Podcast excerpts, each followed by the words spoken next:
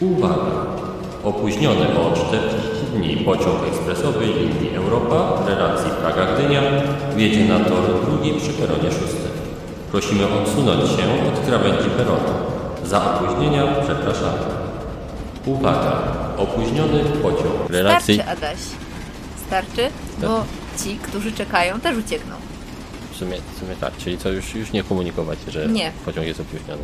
No to, to nie, to nie, Już nie komunik- komunikuję. nie komunikuję. To dzień dobry, Adam jestem, pamiętacie mnie może? Z nadplanszy pełną parą. I Iwona. I Iwona. A to jest opóźniony o 40 dni materiał poświęcony Eurogrom. Skłamalibyśmy, mówiąc, że to opóźnienie zaczęło się nieprzyjemnie, prawda? Tak, zaczęło się od naszego urlopu. Właśnie. Plan był taki, że jedziemy sobie na tydzień do Pragi, żeby sobie poznać miasto, o którym będziemy opowiadać. Tutaj spoiler jednej z gier, o których, które mieliśmy zamiar recenzować. No ale niestety, po powrocie z Pragi dopadła nas chyba klątwa. Praski wirus. Praski wirus, praski golem nas czymś musiał zarazić, bo no nie nadawaliśmy się specjalnie do nagrywania, w szczególności podcastów. Prawda jest taka, że w drugim tygodniu na naszej choroby, znaczy się mojej początkowo, ja już myślałem, czy może nie wrócić do, mm, do pisania. pisania. Tak, do pisania, ale Iwona mnie od tego pomysłu odwodziła, mówiąc, że nie, poczekajmy jeszcze, Adasiu, tydzień, może drugi, wyzdrowiejesz, nagramy ten podcast. Nie będzie problemu, zupełnie. W tamtym momencie mieliśmy do nagrania bodajże materiał o dwóch grach euro, Mhm. bo tak, tak staliśmy z materiałami, e, które gdzieś tam przychodzą czasami do nas od wydawnictw. No niestety, po moim tygodniu choroby zaczął się i wody tydzień. Tak, Choroby. mieniliśmy się bakcylem. Bach, i, I to już zaczęło być nieprzyjemne. I Mhm. zaczęło się nam robić e, nieciekawie. No Problem narastał. Problem narastał, bo przyszła jedna gra, druga gra. Premiery nie czekają niestety. Obecnie planszówki wychodzą w takim tempie, że jak się jedną premierę opuści, to 10 następnych wyskakuje Mhm. do terminarza i zaczęły nam te eurogry zalegać. My oczywiście stwierdziliśmy, że skoro nagrywać nie możemy, to chociaż je ograjmy porządnie, więc zaczęliśmy sobie ten nasz czas kwarantanny, nazwijmy to, Powiedzmy. Mhm. e, umilać rozgrywkami. Mhm. No i tak wyszło, że zagraliśmy w 5 eurogier. Tak, powiemy teraz w jakie czy później? Później, to niech, Później, niech to jest dobrze. mała niespodzianka chociaż. Ale te Bo był eurogry, już mały spoiler. no był mały spoiler, no kto się, kto, kto się orientuje w wydawniczych e, nowościach, ten wie. Zresztą he, he, he, tydzień temu wrzuciliśmy przecież grafikę, gdzie były wszystkie te gry, gry pokazane, więc nie ma żadnych niespodzianek. Zresztą jeżeli słuchacie tego, no to widzicie, co jest na okładce. No tak. o właśnie o tych grach będziemy mówić.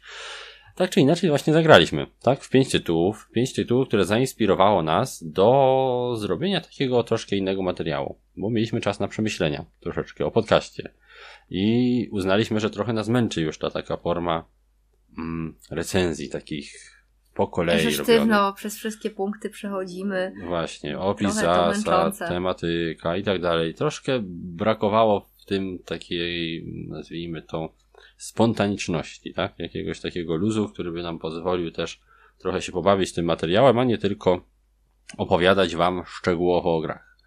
Więc stwierdziliśmy, że skoro tak długo czekacie, no to zrobimy materiał troszeczkę inny, troszeczkę bardziej przekrojowy. Może wrócimy do tej takiej koncepcji sprzed kilku tam lat, kiedy zaczynaliśmy nagrywać podcasty i kiedy one były takie bardziej luźne, mniej może y, poukładane, ale dzięki temu też dla nas przyjemniejsze w nagrywaniu. No i tak właśnie narodziła się idea, by zrobić ten e, Express Europa, Euro Express, czyli materiał przekrojowy, troszkę o tych grach, które ograliśmy w czasie naszych, y, no, naszego przymusowego przerwy od nagrywania, a troszkę po to, żeby wrócić też do ogólnie naszej e, relacji z Eurogrami, która no, no tak rozkwitła trochę w ciągu ostatnich dwóch miesięcy, bo Ameritrasze zostały tak jakby zamiecione na Tak, chwileczkę pod dywan. zdecydowanie więcej euro. przez Graliśmy. Ostatnie Tak. dwa miesiące. Tak nas zainspirowały. Te, te, te premiery, to co się pojawiało na stole, do nagrania czegoś tylko o Eurograch. No, więc taka, taki był pomysł, tak? Stąd, stąd wziął się pomysł na to, żeby zrobić taki dłuższy, nieco bardziej przekrojowy materiał o Eurosach. No a teraz, przechodząc już od e, pierwszego wstępu do drugiego, opowiemy, jaki był cel, jakby tak, przyświecający temu materiałowi. I ten nasz cel nazwaliśmy e, bagażem, Bagażem doświadczeń. doświadczeń, tak. bagażem doświadczeń w tym, w tym właśnie mini, mini rozdzieliku przybliżymy Wam, jak e, my spoglądamy teraz może troszeczkę na Eurogry ogólnie, jak to u nas wygląda, jak się zaczęła ta cała przygoda z Eurogrami e, u pełnej pary. No bo zaczęła się już w sumie dość dawno, tak? Prawie jak cała nasza Hmm. przygoda z planszówkami. Gdzieś zaraz, 10 zaraz lat temu? no, 12? no O! coś, coś koło tego, starość, nie radość, tak to Tak. wyszło. Zaczynaliśmy w sumie y, przygodę z grami, jak część z Was już pewnie o tym wie, od Ameritraszy, czyli od horrorów Arkham, a ja jeszcze troszeczkę wcześniej od planszowej wersji World of Warcraft. Gdzieś zawsze nas ciągnął temat bardziej do planszówki, przynajmniej na początku, a dopiero potem zasady. Ale wiadomo, że jak się już w jedną, drugą, trzecią grę pogra, to się zaczyna pewne schematy dostrzegać, może pojawiają się też jakieś preferencje również mechaniczne i zaczyna się grzebać. Tak, tak trafiliśmy na BGG, I tak trafiliśmy na forum. tak trafiliśmy na forum i tak trafiliśmy też na Eurogry. W ogóle wtedy y, dopiero zrozumieliśmy, że jest, jest coś takiego jak Eurogry i Ameritrasze i różne gatunki. Że No są podstawki i dodatki. Że są podstawki i dodatki, tak. są na, najróżniejsze e, planszówkowe pojęcia sobie przyswajaliśmy wtedy.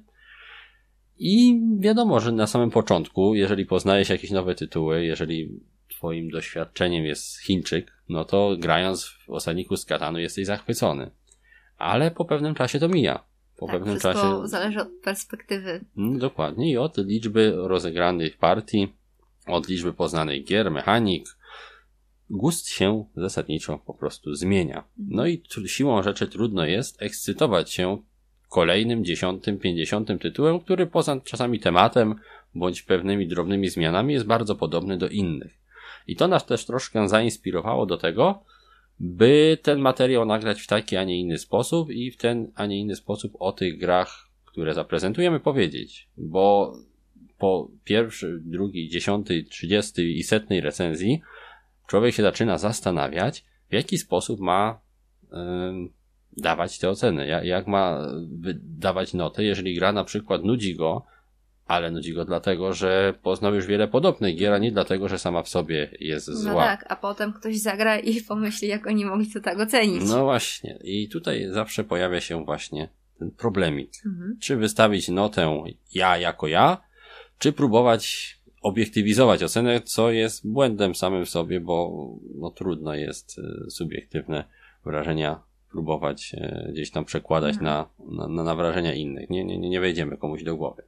Dlatego stwierdziliśmy, że musimy się odciąć od takiego, takiej próby, no to się spodoba komuś tam, tylko po prostu mówić dokładnie tak, jak jest. Jeżeli gra nas nudzi, to powiedzieć, dlaczego nas nudzi, tak? Mhm. Dlaczego? Bo może widzieliśmy dziesiątki innych tytułów. Tak, tak, tak, takie mieliśmy przemyślenia przez ten nasz bagaż doświadczeń ciągnący się i doskwierający w czasie tej no, 40-dniowej przerwy od, od nagrywania. Troszkę To tak. zapalenie za tak zrobiło. Coś tak, dokładnie. Jak się ma za dużo czasu, to się zaczyna za dużo myśleć, filozofować i to czasami nie wychodzi najlepiej. Mając tak wiele czasu, zdążyliśmy też policzyć, ile eurogier zagraliśmy, prawda? Bo ogólnie na BGG wskazuje, że zagraliśmy w 500... 200... Up, ja o jednym, ty o drugim. okej, 212 euro. Tak, z 200 577 gier. Gier ogólnie, dokładnie. No, przyjęliśmy taką sobie, a nie inną definicję Eurogry, licząc te, e, te tytuły i wyszło nam właśnie ponad 200 tytułów, czyli jedna trzecia mniej więcej wszystkich gier zagranych, a gdyby to złożyć z Ameritraszami, to około połowy, bo reszta to tam jakieś troszkę gry logiczne, karcianki, które trudno było gdzieś tam dopasować do jednej lub drugiej kategorii. No więc siłą rzeczy gdzieś tam ograwszy ponad 200 gier, które wpisują się mniej lub bardziej w gatunek euro, gdzieś tam w głowie zaczynają się tworzyć takie szufladki, które pewnie każdy z graczy, który już trochę pograł w planszówki zna. Gdzieś tam pewnie mignęły wam między oczami a uszami takie określenia jak sałatka punktowa albo feldowska sałatka. Iwona Ja tego nie- nienawidzi tego Nienawidzę określenia. tych określeń. Jakaś taka żywieniówka Tak. rosenbergowa, A albo, żywieniówkę jeszcze potrafię znieść, Tak. ale sałatki punktowe już nie. ale nie, nie lubisz tego określenia tylko, tak? Tak, nie lubię tego określenia. Nie wiem, coś... Coś ci tam jest- nie, nie lubisz coś- sałatek? No cóż, nie każdy musi lubić. Są takie równoległe pasjansy, są jakieś ciężkie euro niczym, no pojawiają się takie ogólne szufladki, które nie mają wiele wspólnego z faktycznymi mechanikami tych gier, ale gdzieś tam na takim wyższym poziomie ogólności, gdy zagra się już te kilka, kilkanaście tytułów, zaczyna to gdzieś kołatać.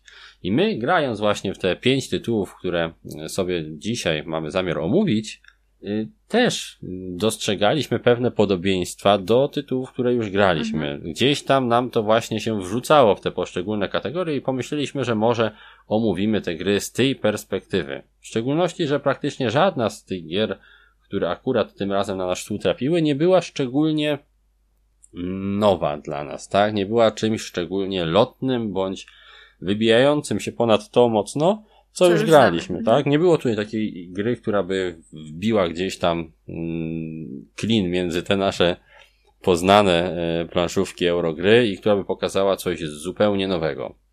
Może to właśnie to sprawiło, że stwierdziliśmy, że ten akurat materiał chcemy nagrać w taki, a nie inny sposób. Z tym właśnie naszym bagażem doświadczeń. Zamiast się od niego odcinać, to właśnie tym razem zrobić z niego główny punkt programu i z tej perspektywy spojrzeć na te tytuły. Bo jak doskonale wiemy, przeglądając Facebooka, wydawcy zazwyczaj prześcigają się w reklamowaniu tytułów jako nowatorskich, mhm. niesamowitych, jedynych w swoim rodzaju. I tak mniej więcej przez tydzień one takie są na profilach wydawców, a potem pojawia się nowy, nowatorski, wyjątkowy, wspaniały, jedyny w swoim rodzaju tytuł, który musisz mieć.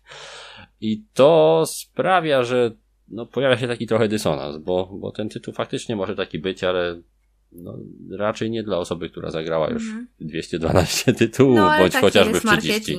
I no właśnie tutaj... tak, może, może ja może ja się zacząłem krztusić tym marketingiem w czasie tego, mm. tej, tej choroby i stąd też takie, a nie inne podejście.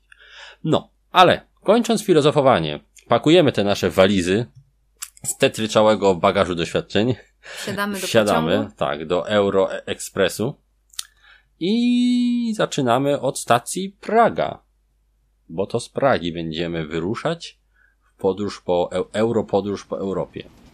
Więc teraz chwileczka przerwy na zakup biletu, jeśli ktoś jeszcze nie ma. I zaraz ruszamy w drogę.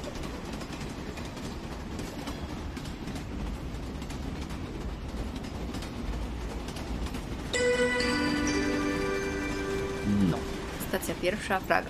Stacja pierwsza, Praga, czyli ta stacja, która miała być tym naszym światłym początkiem wspaniałych recenzji tak, byliśmy tak bardzo nakręceni, bo byliśmy w Pradze. Tak, planowaliśmy. Bardzo nam się podobało. No i nawet chcieliśmy tą Pragę zabrać do Pragi, żeby zagrać w Pradze w Pragę, ale, ale do walizki by się nie zmieściła. Już za dużo. Tak, to byłaby przesada, więc stwierdziliśmy, że po prostu zagramy po przyjeździe i zobaczymy, czy to wpłynie w jakiś sposób na nasz odbiór tej gry. Właśnie. Gry, która mm, no, wiedzieliśmy, że będzie się wpisywała raczej w takie ciężkie euro tak? Bo Władimir Suchy raczej lekkich gier nie robi. Przynajmniej no, dotychczas nam się nie zdarzyło z jego lekką grą e, mieć do mhm, czynienia. to prawda. Chociaż Jeszcze... klimatycznie byliśmy dosyć nastrojeni po tej podróży. Tak, tak. I to trosze, troszeczkę chyba przesadziliśmy z tym klimatycznym nastrajaniem, no bo jednak pan Suchy jednak klimatycznej gier nie robi. Więc Praga, jak można było się spodziewać, idealnie wpisała się w kategorię gier, które sobie tak roboczo czasami nazywamy ciężkie euro o niczym. Mhm. I no, w tej kategorii wiele już y, tytułów się pojawiło na naszym stole. Było nie tak dawno Black Angel. Mhm. Był kiedyś dawno temu Shipyard, również grała pana Suchego. Neuland. Neuland, o panie. Luna Stefana Felda troszeczkę się w to wpisuje, chociaż nie jest aż, tak, aż taka ciężka. Starusieńkie Is od Istari będzie pasowało do takiej kategorii. A i inne gry pana Perla jak Trajan i Bora Bora też mniej więcej pasują, chociaż są troszkę lżejsze od Pragi. Mniej więcej wiecie zatem z jaką grą mamy do czynienia. Grą, która ma masę mechanik i temat. Tylko ten temat to tak ma po to, żeby. Z nazwy. Tak, żeby, żeby na pudełku kwadratów i trójkątów nie rysować, a można było wymalować tam jakiegoś wesołego chłopka, bądź w tym przypadku e, żuraw oraz powstający most, most Karola. Tak, no bo przecież no nie sprzeda się gry jako y, wiązanki mechanik, która no nie ma ładnego pudełka. Dzisiaj przede wszystkim pudełko musi być ładne, no i pan Suchy też to zrozumiał i bardzo, bardzo chciał te swoje mniej lub bardziej nowatorskie pomysły w jakiś sposób ładny, ciekawy opakować i sprzedać. No i opakował te pomysły w sposób swojego miasta, e, bodajże rodzinnego, jeśli dobrze kojarzę, albo przynajmniej bliskiego Krajo, sercu. no, generalnie tak, nie, nie wiem, czy on, kraj. tak, tak, tak, tak, ale nie wiem, czy on właśnie nie pochodzi z Pragi, więc Ale chyba Czech, z Czech. no z Czech na pewno. No. A, taki chciał prezencik swojemu miastu zrobić, no i zrobił właśnie Praga Caput Regni, czyli Praga w wolnym tłumaczeniu z łaciny mm, stolica królestwa. Mhm. Tak, tak by to można mniej więcej e, na polski przetłumaczyć. I ta gra, no, przyciągnęła nas wcześniej już, tak? No bo mieliśmy ją wcześniej niż nasz wyjazd do Pragi. Przyciągnęła nas przede wszystkim chęcią sprawdzenia kolejnej gry pana Suchego. Bo mimo faktu, że raczej długo one u nas miejsca nie zagrzewają, to jednak zawsze z ciekawo, z zainteresowaniem, tak, Mhm. z zainteresowaniem chcemy te jego tytuły sobie sprawdzić, ograć, a jak się spodobają, zostawić lub po prostu puścić w świat. Ale jest to na tyle obecnie e, lotne i, i znane nazwisko w światowym, e, światowym planszówkowym świadku, że no, byłoby małym fopa, żeby recenzując planszówki nie zagrać w jego Tak. grę. Poza tym, wszyscy o tej grze mówili, wszyscy na nią czekali, Oj, niektórzy się zachwycali niesamowicie. więc byliśmy bardzo ciekawi, co z tego. Co z tego będzie? Będzie. Właśnie, co z tego będzie? Instrukcja wskazywała na to, że będzie to gra dość zagmatwana i ciężka. I w istocie, yy, z takim, przy takim pierwszym kontakcie, no nie jest to gra najlżejsza, Mhm. ponieważ no upakowano do niej całkiem dużo różnych mechanik. E, Co my tam mamy? Mamy trochę area control, bo gdzieś Mhm. tam walczymy o, o kontrolowanie takich ryneczków na planszy. Mm, W dolnej części planszy one się znajdują. Mamy troszkę takiego budowania takiego Mhm. swojego silniczka akcji, takich powiązań i bonusików. Coś tam kupujemy, to nam ulepsza tą akcję, więc jak ją robimy po raz trzeci, to nam dodaje jeszcze więcej punktów i jeszcze możemy sobie coś zamienić jedno na drugie. No wiadomo, jak to w takich euro bywa. Zarządzanie Dziubdzianie. zasobami też mamy. Mamy zamiana tam tych zasobów na Mhm. punkciki czasami. No i plus ciekawy mechanizm wyboru akcji, który był dla mnie takim głównym jakby featurem, który mi się podobał, czyli taki żuraw. Zapadkowy mechanizm na planszy planszówkowej. No coś ciekawego, coś nowego być może, chociaż jak się okazuje nie do końca nowego, bo takie mechanizmy z rosnącą ceną wyboru akcji też już się w grach pojawiały, ale tu po prostu było to fajnie zrobione, bo ruszamy sobie e, takim kółeczkiem na planszy i nam ceny kolejnych akcji rosną bądź maleją. Wyglądało to ciekawie, No to było takie świeże. to było takie świeże i Dla chcieliśmy to też. sprawdzić. Mhm. No i pograliśmy sobie w tę grę. No i mamy już jakieś nasze Mhm. E, przemyślenia na ten temat. Zdecydowanie e, sprawił, sprawdził się ten, e, te, te, te, te, te, te, nasze domniemywanie, że będzie to ciężka eurogra o niczym. Zdecydowanie tak. Zdecydowanie wpisuje się w ten nurt tytułów i no nie ma chyba bardziej na ślinę lepionego tematu niż ten tutaj. Tak. Chociaż e, są elementy gry, O, które mogłyby sprawiać, że przy przygotowaniu, tak, Ach, czujemy, a, prawda, czujemy, tak, o, 3D. tu byliśmy, tu Karola, no. tu, o, tu szliśmy sobie tą drogą, No można by tak a tu było. potem Okazuje się, że życzenie i zupełnie się zupełnie. na tym nie skupiamy, myślimy o tym tylko, jak wykorzystać jedne najlepiej. punkciki, no, i wszystkie możliwe elementy. opcje, akcje i Tak, elementy. tak, ta gra zdecydowanie nie zachęca do tego, żeby się na temacie skupić, nie, zachę... nie pomaga również tym tematem, żeby nawet się zasad nauczyć, bo no, no nie oszukujmy się, w ciężkich euro no, temat zazwyczaj jest jakimś tam nośnikiem zasad. No, te, ten czy inny sposób. Mamy trua, które też tam mniej lub bardziej tematyczne było, ale przynajmniej jakoś dało się dzięki temu tematowi troszkę poduczyć tych akcji. E, No tutaj w Praga Caput Regni e, temat zdecydowanie nie pomaga. Czasami w jakiś taki dziwaczny sposób pró- próbuje się tam wtrącać jakieś mechaniki tematycznie, co więcej gmatwa niż, niż Mhm. daje na plus. I w czasie rozgrywki po prostu musimy wiecznie skupiać się na tysiącach różnych malutkich źródeł punktowania, które w pierwszych rozgrywkach nie są specjalnie czytelne, między innymi właśnie dlatego, że same te zasady są dość złożone i w sposób taki mało, mało czytelny przedstawione w instrukcji. I jest to tytuł zdecydowanie wymagający od nas, by zagrać raz, drugi, trzeci. Tak. Mamy wymagające, y, wymagającą instrukcję, Tak. wymagające zasady, No, i wymagający. wymagający setup. Tak, bardzo wymagający setup. Masa sortowania różnych dupererków. Tak. i wymagającą spostrzegawczości y, ogólną oprawę, bo gra Mhm. jest ładna, ale niestety y, no, nie jest specjalnie czytelna. Tak? Można się tym kłó- tu kłócić, że no, jedni widzą więcej, drudzy mniej, ale dolna część planszy jest dla mnie jednym W wielkim... dolnej części planszy kolorowym- bardzo dużo się dzieje. Tak, tak. Masa rzeczy się tam wykłada. Do tego jeszcze my tam musimy walczyć jak w mechanizmie area control o, o, o przewagi na, Mhm. na pewnych. e, Łatwo się tam potem elementach. pomylić, nie? Jak e, mieliśmy nawet podczas jednej rozgrywki, że poszliśmy Mhm. Tak, tak, tak, tak. nie tak. w tą stronę chyba, coś tam pokminiliśmy źle. No, no nie jest to specjalnie czytelna Mhm. e, plansza, mimo że jest bardzo ładna, tak? Bardzo, bardzo, bardzo autor chciał tutaj, żeby ta plansza była ładna, klimatyczna, kolorowa. I w istocie takie jest, ale z czytelnością jest gorzej. Całe szczęście, że przynajmniej mechanizm wybierania akcji jest bardzo Mhm. czytelny i tutaj zdecydowanie plusuje.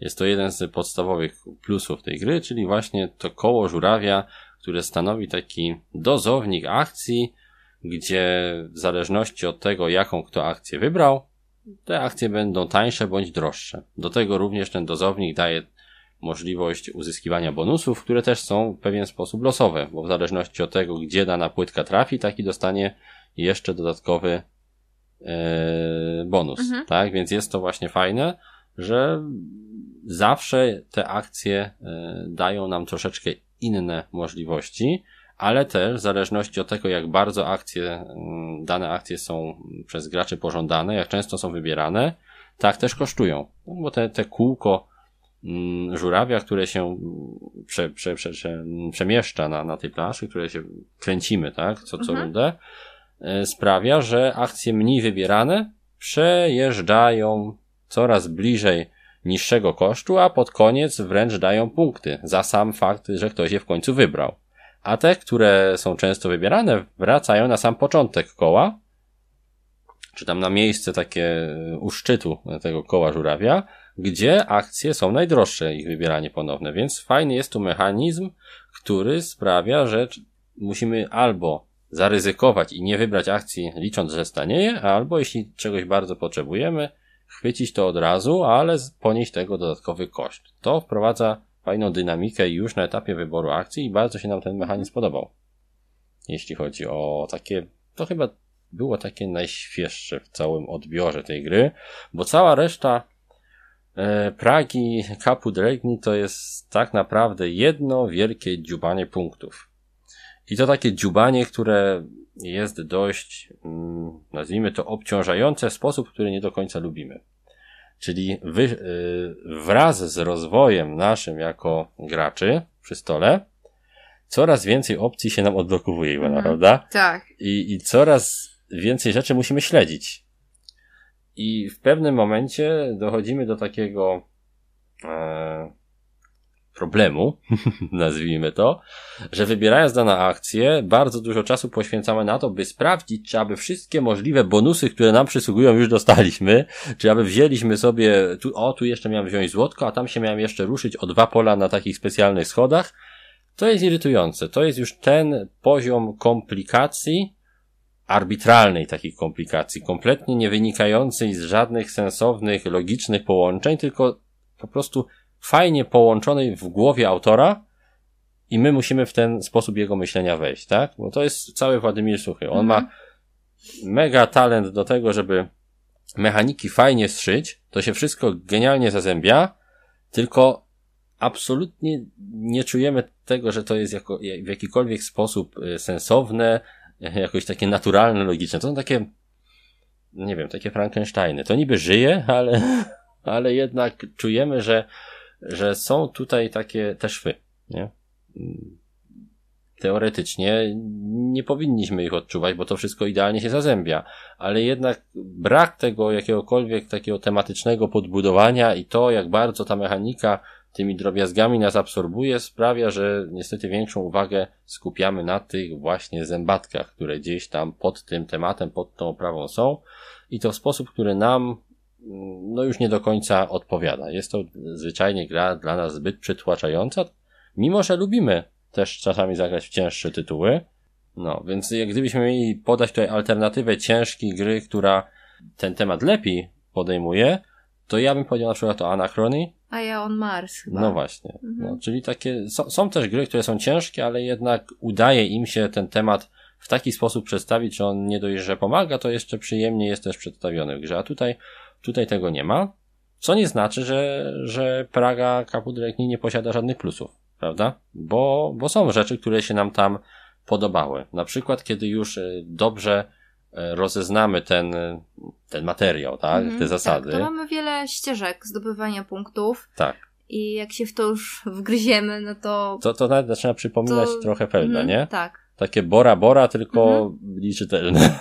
no, trochę, trochę, trochę tak to jest, że jest to gra, która naprawdę wymaga od gracza, żeby poświęcić jej czas, a nie każdy ma na to ochotę. Mhm. Tak? Bo jest wiele gier, które dają nam podobną satysfakcję, a nie potrzebujemy za każdym razem robić doktoratu z instrukcji, bo jest to również gra, która e, jest bardzo, ale to bardzo mm, nieprzyjemna we wracaniu do niej.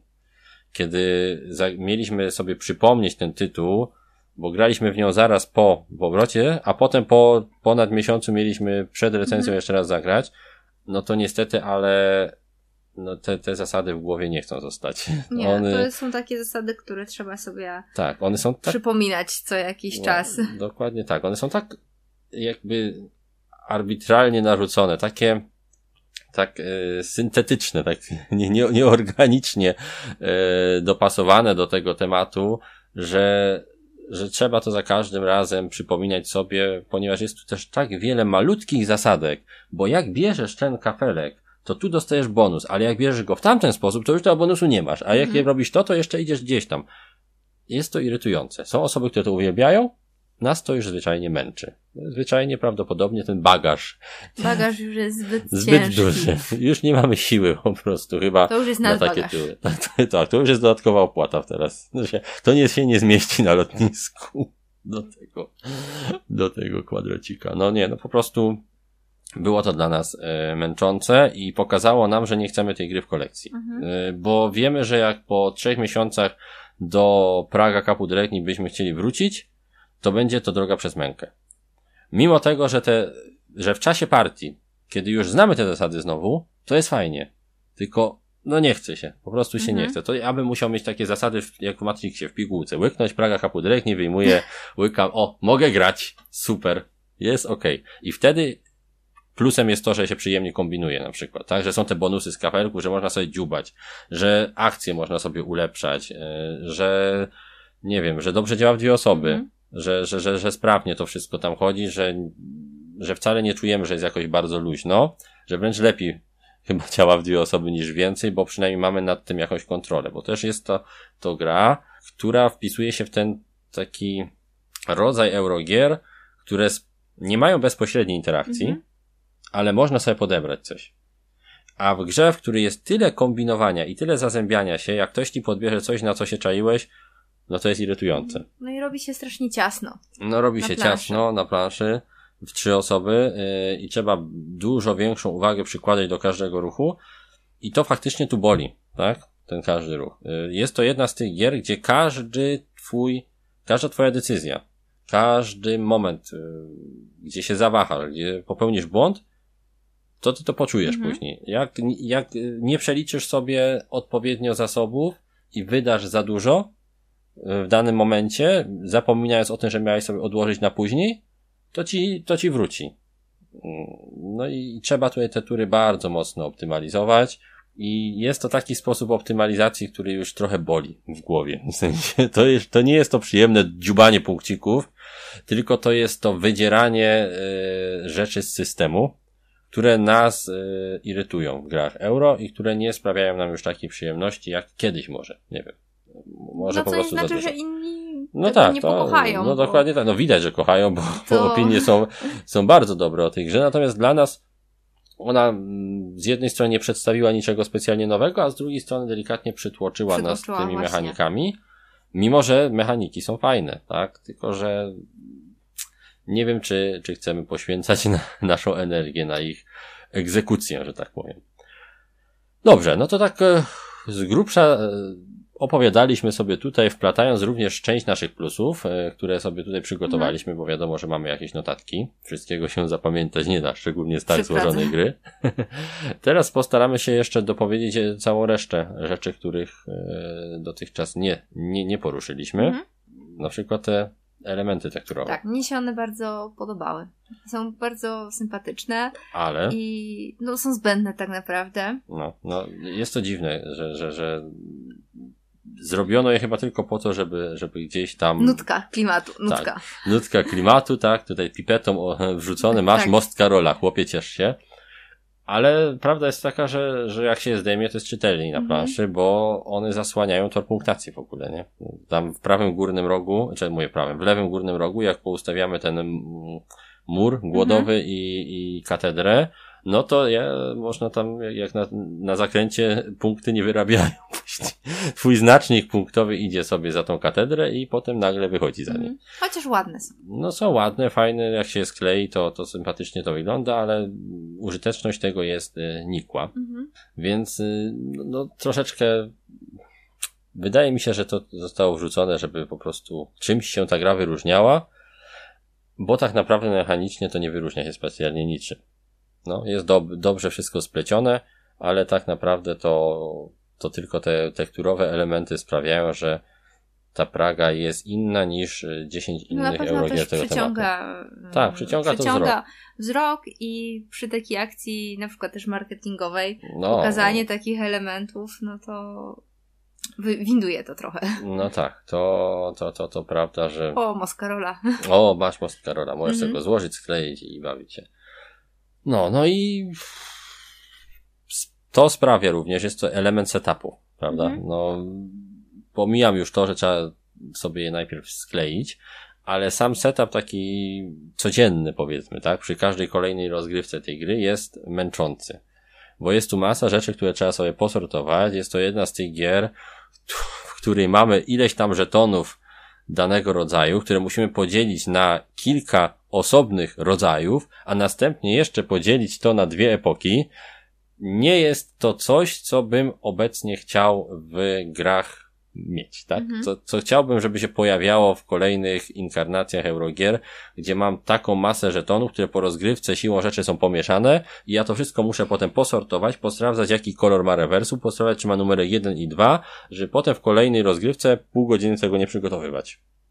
Nie jest to fajne i po prostu sprawia, że gra jest bardziej ociężała, a to przecież jest tylko jeden z elementów, które trzeba przygotować, bo jest jeszcze cała masa innych żetonideł, które też trzeba sobie To porozkładać. już aż takimi masochistami nie jesteśmy. No właśnie, no przy, przy takiej liczbie gier, które się ogrywa, no to jednak poświęcanie tyle czasu na setup e, kolejnej eurogry nie jest aż tak porywające, prawda? Mhm.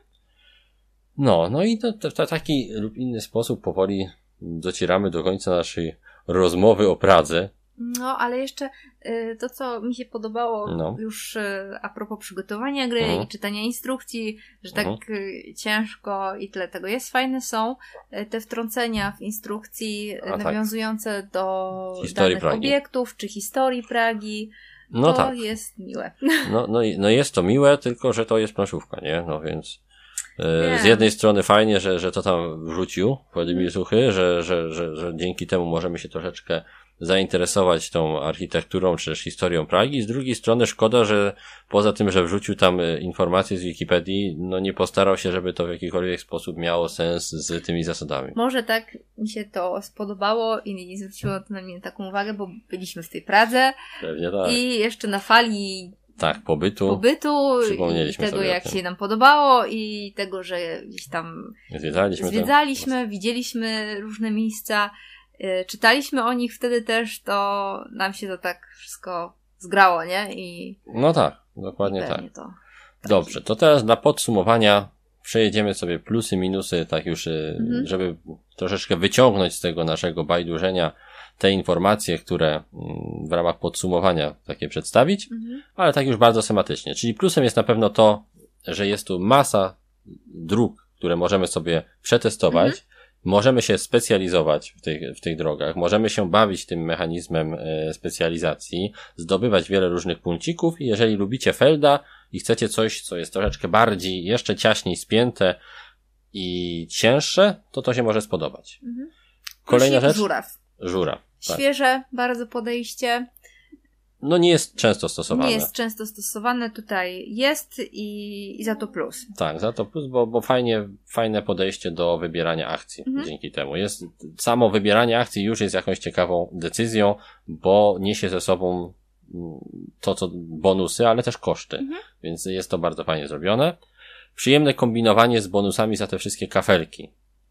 Wokół planszy akcji, Mhm. wokół tego muru, który budujemy, jest tu masa takiego e, optymalizowania jak najlepszej akcji swojej, tak? Czyli można tą akcję sobie wzmacniać i dzięki temu dostawać coś więcej, ale tutaj już e, troszeczkę przejdę do plusów, minusów i od razu dopowiem, że to sprawia również, to i wiele innych mechanik sprawia, że te liczne bonusiki, które się zewsząd sypią, mimo że dają e, przyjemność takiego wyciskania z tury jak najwięcej, to jednak e, sprawiają, że trzeba je tak dość żmudnie śledzić. Mhm. I czasami jest to irytujące, że ciągle ze- zewsząd trzeba sprawdzać jakieś bonusiki, które nie zawsze są takie oczywiste i czasami można je przeoczyć po prostu. Tyle tego tutaj jest. Kolejny plus? To- Działa bardzo dobrze w dwie osoby. Co Dokładnie. dla nas zawsze jest plusem. Tak, dla nas jest bo to jednak zawsze plus. Są to rozgrywki u Dwuosobowe. dwuosobowe. Gra jest po prostu czytelniejsza Tak. też w tym i więcej możemy e, zaplanować bez e, jakby wtryniania się przeciwnika w nasze plany. mhm. Więc dla jest mnie- większa szansa realizacji naszego, naszego celu planu, tak. Nie, nie Mhm. trzeba się aż tak mocno wysilać grając w tą grę, kiedy gramy w dwie osoby, co jest zdecydowanie plusem. Jeśli chodzi o plusy wykonania, czego wcześniej nie mówiliśmy, to na pewno są wygodne planszetki dwuwarstwowe, dzięki czemu y, żadne elementy się nam gdzieś tam nie przestawiają w tych planszetkach, co jest zawsze mile widzianym dodatkiem, w szczególności, że są to takie planszetki dwuwarstwowe, nieukupione gigantycznym wzrostem ceny przy okazji, więc to też jest ok. Oprócz tego, teraz takie plusy, minusy, cechy tej gry. Mhm. Troszeczkę wspomnienie tego, co już mówiliśmy, czyli że im więcej osób, czyli 3, 4, tym jednak gra staje się zacieklejsza, tym bardziej i tym większą rolę ma podbieranie pewnych elementów przez graczy, no i tym trudniejsze bywa e, takie świadome i sukcesywne planowanie kolejnych akcji, więc to trzeba mieć na uwadze. Plus minus za, Te tekturowe elementy Elementy. 3D tak, są fajne, fajne, ładne, ładne, ale przyciągają, wzrok ale są tak naprawdę niepotrzebne. i czasami wręcz e, irytujące. Na szczęście można ich nie używać zupełnie. Są też e, takie ekwiwalenty płaskie, które nakładamy na planszę i można grać bez tego, więc dla każdego coś miłego, to też jest ok. E, kolejny te, temat, tak? No. Może i to taki plu, te, z jednej strony e, fajnie, że tam opisano kilka rzeczy, Mhm. ale oprócz tego to ten temat jest zdecydowanie raczej minusem, tak? Bo on nie ułatwia. To jest problem. Tak. No, tak jak na wstępie mówiliśmy, że ciężkie euro o niczym. No, no i taka jest No prawda. no, bo tu by temat- można cokolwiek dokleić i to by Mhm. było, jakby to była fabryka robotów, też by to działało, bo byłaby zębatka. Więc no, Praga, tutaj jest tyle Pragi, co no nie wiem w czym. W lentinkach produkowanych w Polsce pod Radomiem. Na przykład. No, zupełnie to nie Praga jest, tylko takie, takie coś. No i z takich jeszcze rzeczy, które niby są fajne, ale troszeczkę jednak irytują, to ta oprawa, tak? Z jednej strony jest bardzo ładna, kolory są, są śliczne, jest fioletowy, więc haha, fajnie, a z drugiej problemem jest to, że niestety e, utrudnia trochę czytelność miejscami. Mhm. Jest taka zbyt strokata, szczególnie w tej dolnej części planszy. Więc no, dla osób, które mają problemy z rozczytywaniem drobnych symboli usianych na wszystkich możliwych elementach, to na pewno będzie droga Można przez się mękę. tam zakałapućkać w tym. No, zdecydowanie. Jest to jedna z, z bardziej mm, takich chaotycznie wyglądających na stole gier. I dopiero kiedy mocno wejdziemy w ten system, to wszystko gdzieś tam się nam zaczyna w głowie układać, ale to znowu wymaga wysiłku, a no nie, chyba nie, nie nam to w głowie obecnie. Sporo tych mini zasad, które właśnie potrafią oból głowy przyprawić. No i kwestia tego, że ten setup jest dość uciążliwy. A na samym końcu, nie bez znaczenia, to, że to wszystko już gdzieś było. Czyli Praga a my kaput Mhm, po rozgrywce. Tak. Za Y- dużo męczarni. Za nas. dużo, tak, za dużo męczarni i nasza ocena Pragi to takie 7 na 10, 7 no może 10, 7 no na bo- szynach trochę, no. Niby dobrze się grało, niby fajnie, ale nie To chcemy nie wracać. zła gra. No nie, no, No, jeżeli ocena ktoś, jest dobra. no, Nasza, więc y, jeżeli ktoś nam tą, tą grę wytłumaczy, tak, e, no to spoko, zagramy chętnie, ale jakbym miał znowu sam siadać do tej instrukcji i odczytywać, to zagram coś innego. jak ktoś nam zaproponuje, zagrajcie. Zagramy. Przypomnę wam zasady. Okej. Super. Ale jakby ktoś mnie poprosił, wytłumacz mi Pragę, to bym powiedział, ja idź pan. nie będę tego robił, nie chce mi się. No, więc y, zdecydowanie jest to dobra gra, nie tak dobra e, dla nas, jak dla wielu innych osób. Te ósemki, dziewiątki, które się zewsząd szybcią, jestem absolutnie w stanie w nie uwierzyć i zupełnie nie mam problemu z tym, że komuś ta gra się może super podobać. Dla nas jest to po prostu kolejne dobre, rzemieślnicze euro, które wydaje mi się, że w tej formie, w której jest, jest dla nas zwyczajnie zbyt męczące. Może nawet nie tyle za ciężkie, bo gramy też w cięższe gry, bądź podobnej ciężkości, tylko zwyczajnie męczące w tym, w jaki sposób tą ciężkość nam e, przekazuje. Mhm. tak jakby. No co? To chyba tyle o Pradze. Tyle o Pradze, możemy przenieść się dalej. Dalej, dalej, ale nim, że tak powiem, dopłyniemy, spoiler, do kolejnego większego punktu programu, to taki mały przystanek w trasie. Nad morzem. nad morzem, w Gdyni powiedzmy, bo tak tematycznie nam pasuje. Czyli co? Pakujemy nasz bagaż doświadczeń, wsiadamy do pociągu, Euroexpress, Euro, byle jakiego, Euroexpressu i ruszamy do Gdyni, by tam zajrzeć do oceanarium.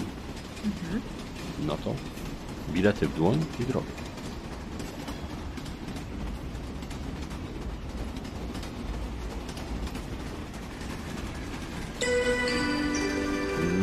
No już. Stacja. Już jesteśmy? Tak, tak, jesteśmy. To jest taka, to jest taki magiczny Turbo pociąg. Tak, to jest e ekspres z Hogwartu. już jesteśmy na naszej kolejnej stacji, stacji przystanku. Zanim wsiądziemy na prom do Skandynawii, by opowiadać wam o Rivers of Midgard, przystaniemy na chwileczkę, by opowiedzieć co nieco o nieco lżejszej grze. Chyba najlżejszej w tym zestawieniu. Najlżejszej z tych, które ogrywaliśmy w ciągu naszej nieszczęsnej przerwy chorobowej, prawda? Tak, zdecydowanie. Naj... No i takiej, Lżejsza. takiej, no, takiej zupełnie rodzinnej można Mhm. powiedzieć, chociaż z kilkoma fajnymi twistami, jak się okazało, gdy sobie w nią już pograliśmy, a mowa tu o Aqua Garden, czyli grze, w której wcielamy się w właściciela, bądź też twórcę, osobę, która chce stworzyć oceanarium, Mhm. czyli taki obiekt, gdzie są różne Rybki. akwaria, rybki, gdzie można sobie podziwiać e, takie tematycznie przygotowane duże zbiorniki Wody. wo- wodne z rybami. Mamy takie e, na przykład akwaria duże we Wrocławiu Zoo i jest również takie w Gdyni, jeśli dobrze pamiętam, oceanarium. Już teraz nie kojarzę, czy tam też pływają rybki, czy są tylko modele, wiem, bo, bo ja byłem tam bardzo dawno. No widzisz, a ja byłem w Gdyni bardzo dawno temu, nie wiem, może się to rozwinęło. W każdym razie pasowało nam to idealnie jako przystanek przed e, przesiadką na prom, więc tak tutaj to wcisnęliśmy, że niby, że niby oceanarium w Gdyni. Tak czy inaczej chodzi o to, żeby opowiedzieć wam po prostu o grze Aquagarden, o takim dość lekkim euro. Ale nim do tego przejdziemy, to jest to chyba najlepszy moment, by jeszcze znowu zahaczyć troszeczkę o tą naszą historię z eurogrami, bo eurogry stały się też dla nas taką fajną odskocznią od Amerii, y, między innymi dlatego, że zasady eurogier bardzo często są e, bardziej sensowne e, do nauczenia się. Nie trzeba Tak, jak już się przejdzie przez przez nie- instrukcję, tak? niekiedy ciężką instrukcję, To to tak zaskakuje fajnie. zaskakuje. I nie trzeba się uczyć jakichś tam wyjątków, zazwyczaj oczywiście, Z- tak? właśnie. Praga wam e, pokazała, że czasami euro bywają też męczące w zasadach, ale w ogóle najbardziej lubimy euro takie, które mają te zasady właśnie takie fajne, Mhm. wyczyszczone, w miarę logiczne, spójne, które pozwalają się bawić tym systemem bez jakiegoś takiego gigantycznego wysiłku i sięgania cały czas do instrukcji, sprawdzania, czy jak rzucę tą kostką, to muszę dodać też swoją siłę, czy jednak w tym rzucie tej siły nie dodaję, czy akurat tutaj muszę ciągnąć dwie karty przygody, czy pięć kart przygody. No, Ameritrasze bywają w swoich e, zasadach bardzo barakowe, mają zazwyczaj dziesiątki różnych efektów, które trzeba kontrolować, a w Eurograch y, cała jakby ciężkość skupia się bardziej na tej już samej rozgrywce, tak? Przynajmniej w tych, które my najbardziej doceniamy. Tak, ale są też euro takie familijne. Tak, są też euro takie familijne, gdzie zupełnie zasady są Mhm. wyczyszczone do zaledwie garstki i od takich familijnych euro między innymi zaczynaliśmy. Carcassonne, e, później gdzieś tam Alhambra, to były takie, o może Stone Age również. Takie pierwsze kroki. Tak, to były takie nasze pierwsze kroki i to, co było w tych grach bardzo przyjemne, o czym już czasami niestety zda, zdaje się, że zapominamy, to fakt, że można było tą grę wyciągnąć, 5 minut poświęcić na zasady i już po prostu grać. A potem za tydzień czy dwa wyciągnąć znowu, praktycznie bez większych problemów zagrać znowu. Tak, e, niestety później wpadliśmy w pułapkę dużych, cięższych gier, często również Kickstarterów, ale i cięższych euro i tutaj już tak łatwo od jednej do drugiej partii się nie przeskakiwało. Tak? Jak się chciało zagrać, to bardzo często kończyło się na tym, ale och, będziemy musieli znowu czytać te zasady i w końcu zamiast zagrać, to włączaliśmy konsolę albo serial, albo się odechciewało Tak, siadać prawda, do tych gier. Niestety. No i mieliśmy taki trochę kryzys planszówkowy, bo jak spoglądaliśmy na gry, w które nie zagraliśmy, a zamówiliśmy gdzieś tam rok czy dwa temu, co nam przyszły z Kickstartera, jak spoglądaliśmy na ich ins- instrukcje, które mają po 40 stron, to się włos jeżył. I No. jesz się, Jerzy. I jesz też się, Kubuś też się jeżył. Jakby spojrzał, jakby przeczytał tę instrukcję, to na pewno by się zjeżył. I właśnie Aqua Garden jako takie proste, ale, ale nie głupie euro, również z Kickstartera, jak się okazuje, było takim troszeczkę mm, detoksem od tych wielkich, ciężkich Ameritraszy i umilało nam również ten okres eurogrowej, eurogrowej rekonwalescencji. Tak, którą- całe szczęście, bo też no, jak się jest chorym, to się nie no, chce. Tak? no nie ma się głowy do takich Murzyć. ciężkich. To może wpłynęło na to, jak odbieraliśmy Pragę. Ta recenzja jest, ta recenzja jest w Jest ogóle skrzywiona. o, skrzywiona, sporowana, skarona jest. No cóż zrobić, no. Jest jaka jest. Nie, o Pradze zdania nie zmieniamy. A teraz poświęćmy, Aquagarden. tak, poświęćmy czas Aquagarden. Więc Aquagarden świetnie realizuje taki nasz ideał, e, powiedzmy, lekkiej, przyjemnej gry na wieczór. Nie, nie jest specjalnie ciężka, ale nie jest też jakoś tam e, taka zupełnie bezdecyzyjna. Jest to taki, Jest zgrabna. tak, jest prostu. taka zgrabna. Jest ta, taka jak wygląda, a wygląda ślicznie. Jest bardzo estetyczna. Tak, e, no jest, Japońska ręka w tym jest. je- jest tym, jest tym japońska ręka. Estetyka. Wszystko jest bardzo, bardzo ładnie oddane temu, znaczy pod, poddane temu tematowi. No i mamy tutaj te drewniane, e, pomalowane znaczniki rybek, różnych, najróżniejszych e, ryb i elementów akwarium, bo tam też wodorosty są. No E. takie śliczne to jest. Tak, jest to takie, tak, jest to takie bardzo, bardzo mm, ładnie wykonane, z dbałością o szczegóły, jakością również, no przez to też mocno to wpływa na cenę obecną, jaką trzeba za tą grę zapłacić w sklepach. Nie jest, nie jest to tytuł tani, bo z dodatkami kosztuje łoho, ho, ho i trochę, o czym jeszcze będziemy później mówić. Natomiast w czasie fundowania tej gry na Kickstarterze była ona wyceniona całkiem sensownie. Jakoś I- taniej to wychodziło. Tak, chyba. wychodziło to taniej i, i w miarę w miarę to się mniej więcej kalkulowało z tym, o czym ta gra jest i, i jak się e, i co, i co sobą Mhm. reprezentuje, tak, co w tym pudełku dostajemy za tą, za tą cenę. A czym tak naprawdę jest Aqu- Aquagarden, tak pokrótce? To jest gra, w której główne, jakby pierwsze skrzypce grają dwie mechaniki. Czyli taki time track. Tak, Time Track, czyli mechanika, którą polubiliśmy już e, przy Glenmore, pierwszej e, wersji Glenmora. E, Ja tą mechanikę nazywam ostatni będą pierwszymi, Mhm. czyli kto ostatni na torze kolejności, ten będzie wykonywał najbliższą turę i dopóki ta ostatnia osoba nie przeskoczy innej osoby na torze kolejności, tak długo będzie mogła swoją turę wykonywać. Tak? Czyli może się zdarzyć w takiej grze, że ktoś wykona więcej tur pod rząd, jeżeli będzie robił malutkie kroczki na torze, a może się zdarzyć, że ktoś nie robi tur przez pół gry, bo połasił się na coś, co jest bardzo daleko na torze, a tamta osoba, która jest za nim, będzie robiła malutkie Mhm. kroczki, zanim tuptała i zrobi kilka tur pod rząd. Więc jest to ciekawa mechanika, która łączy w sobie takie fajne szacowanie ryzyka, czyli mam coś, rzucić się na coś, żeby to było na pewno moje, ale wtedy jest szansa, że oddam więcej tur przeciwnikowi. Więc my bardzo lubimy mechanikę Time Track. No i jest tu też mechanika, o której dawno w grach, może takich większych tytułach nie widzieliśmy, ona była popularna e, troszeczkę e, jakiś już czas temu w nawigadorze. 6 lat temu. No, z 6 lat temu spokojnie, no. Rondel? Rondel, tak, Rondel. Matt, Matt Gertz chyba był takim mm, bardzo e, e, lubiącym Rondel autorem, Mhm. chyba się nazywała gra A Antike? Duellum? Antike chyba się nazywało. Tak, tam też był chyba Rondel i Mhm. potem było był Navigator, był, był Shipyard też suchego, gdzie był Rondel, tam, nie, tam był właściwie cały komplet Rondli. Tam, Tam- był taki zestaw y, Rondli z tego, z Ceptera. Rondel na Rondel. No, ale ogólnie rzecz biorąc, To z tej promocji, co dzwonią tak, co dzwonią. Panie, chcę pan kupić shipyard. Rondel gratis. No, w każdym razie jest tu mechanika rondla y, zastosowana. I jest tu też coś, co bardzo lubimy, czyli mechanika e, wypełniania takich jakby kontraktów, tak? E, Niektóre osoby nie, nie przypadają za tym. My akurat lubimy, gdzie są karty jakieś wyłożone na stole i trzeba coś zrobić u siebie, żeby to e, jakieś bonusy bądź punkty z tych jawnych dla wszystkich kart zdobywać. I tutaj też w jakiś sposób jest to wmontowane w, w rozgrywkę. Oraz jest też fajny mechanizm takiego kontrolowania momentu, kiedy chcemy pobrać dochód.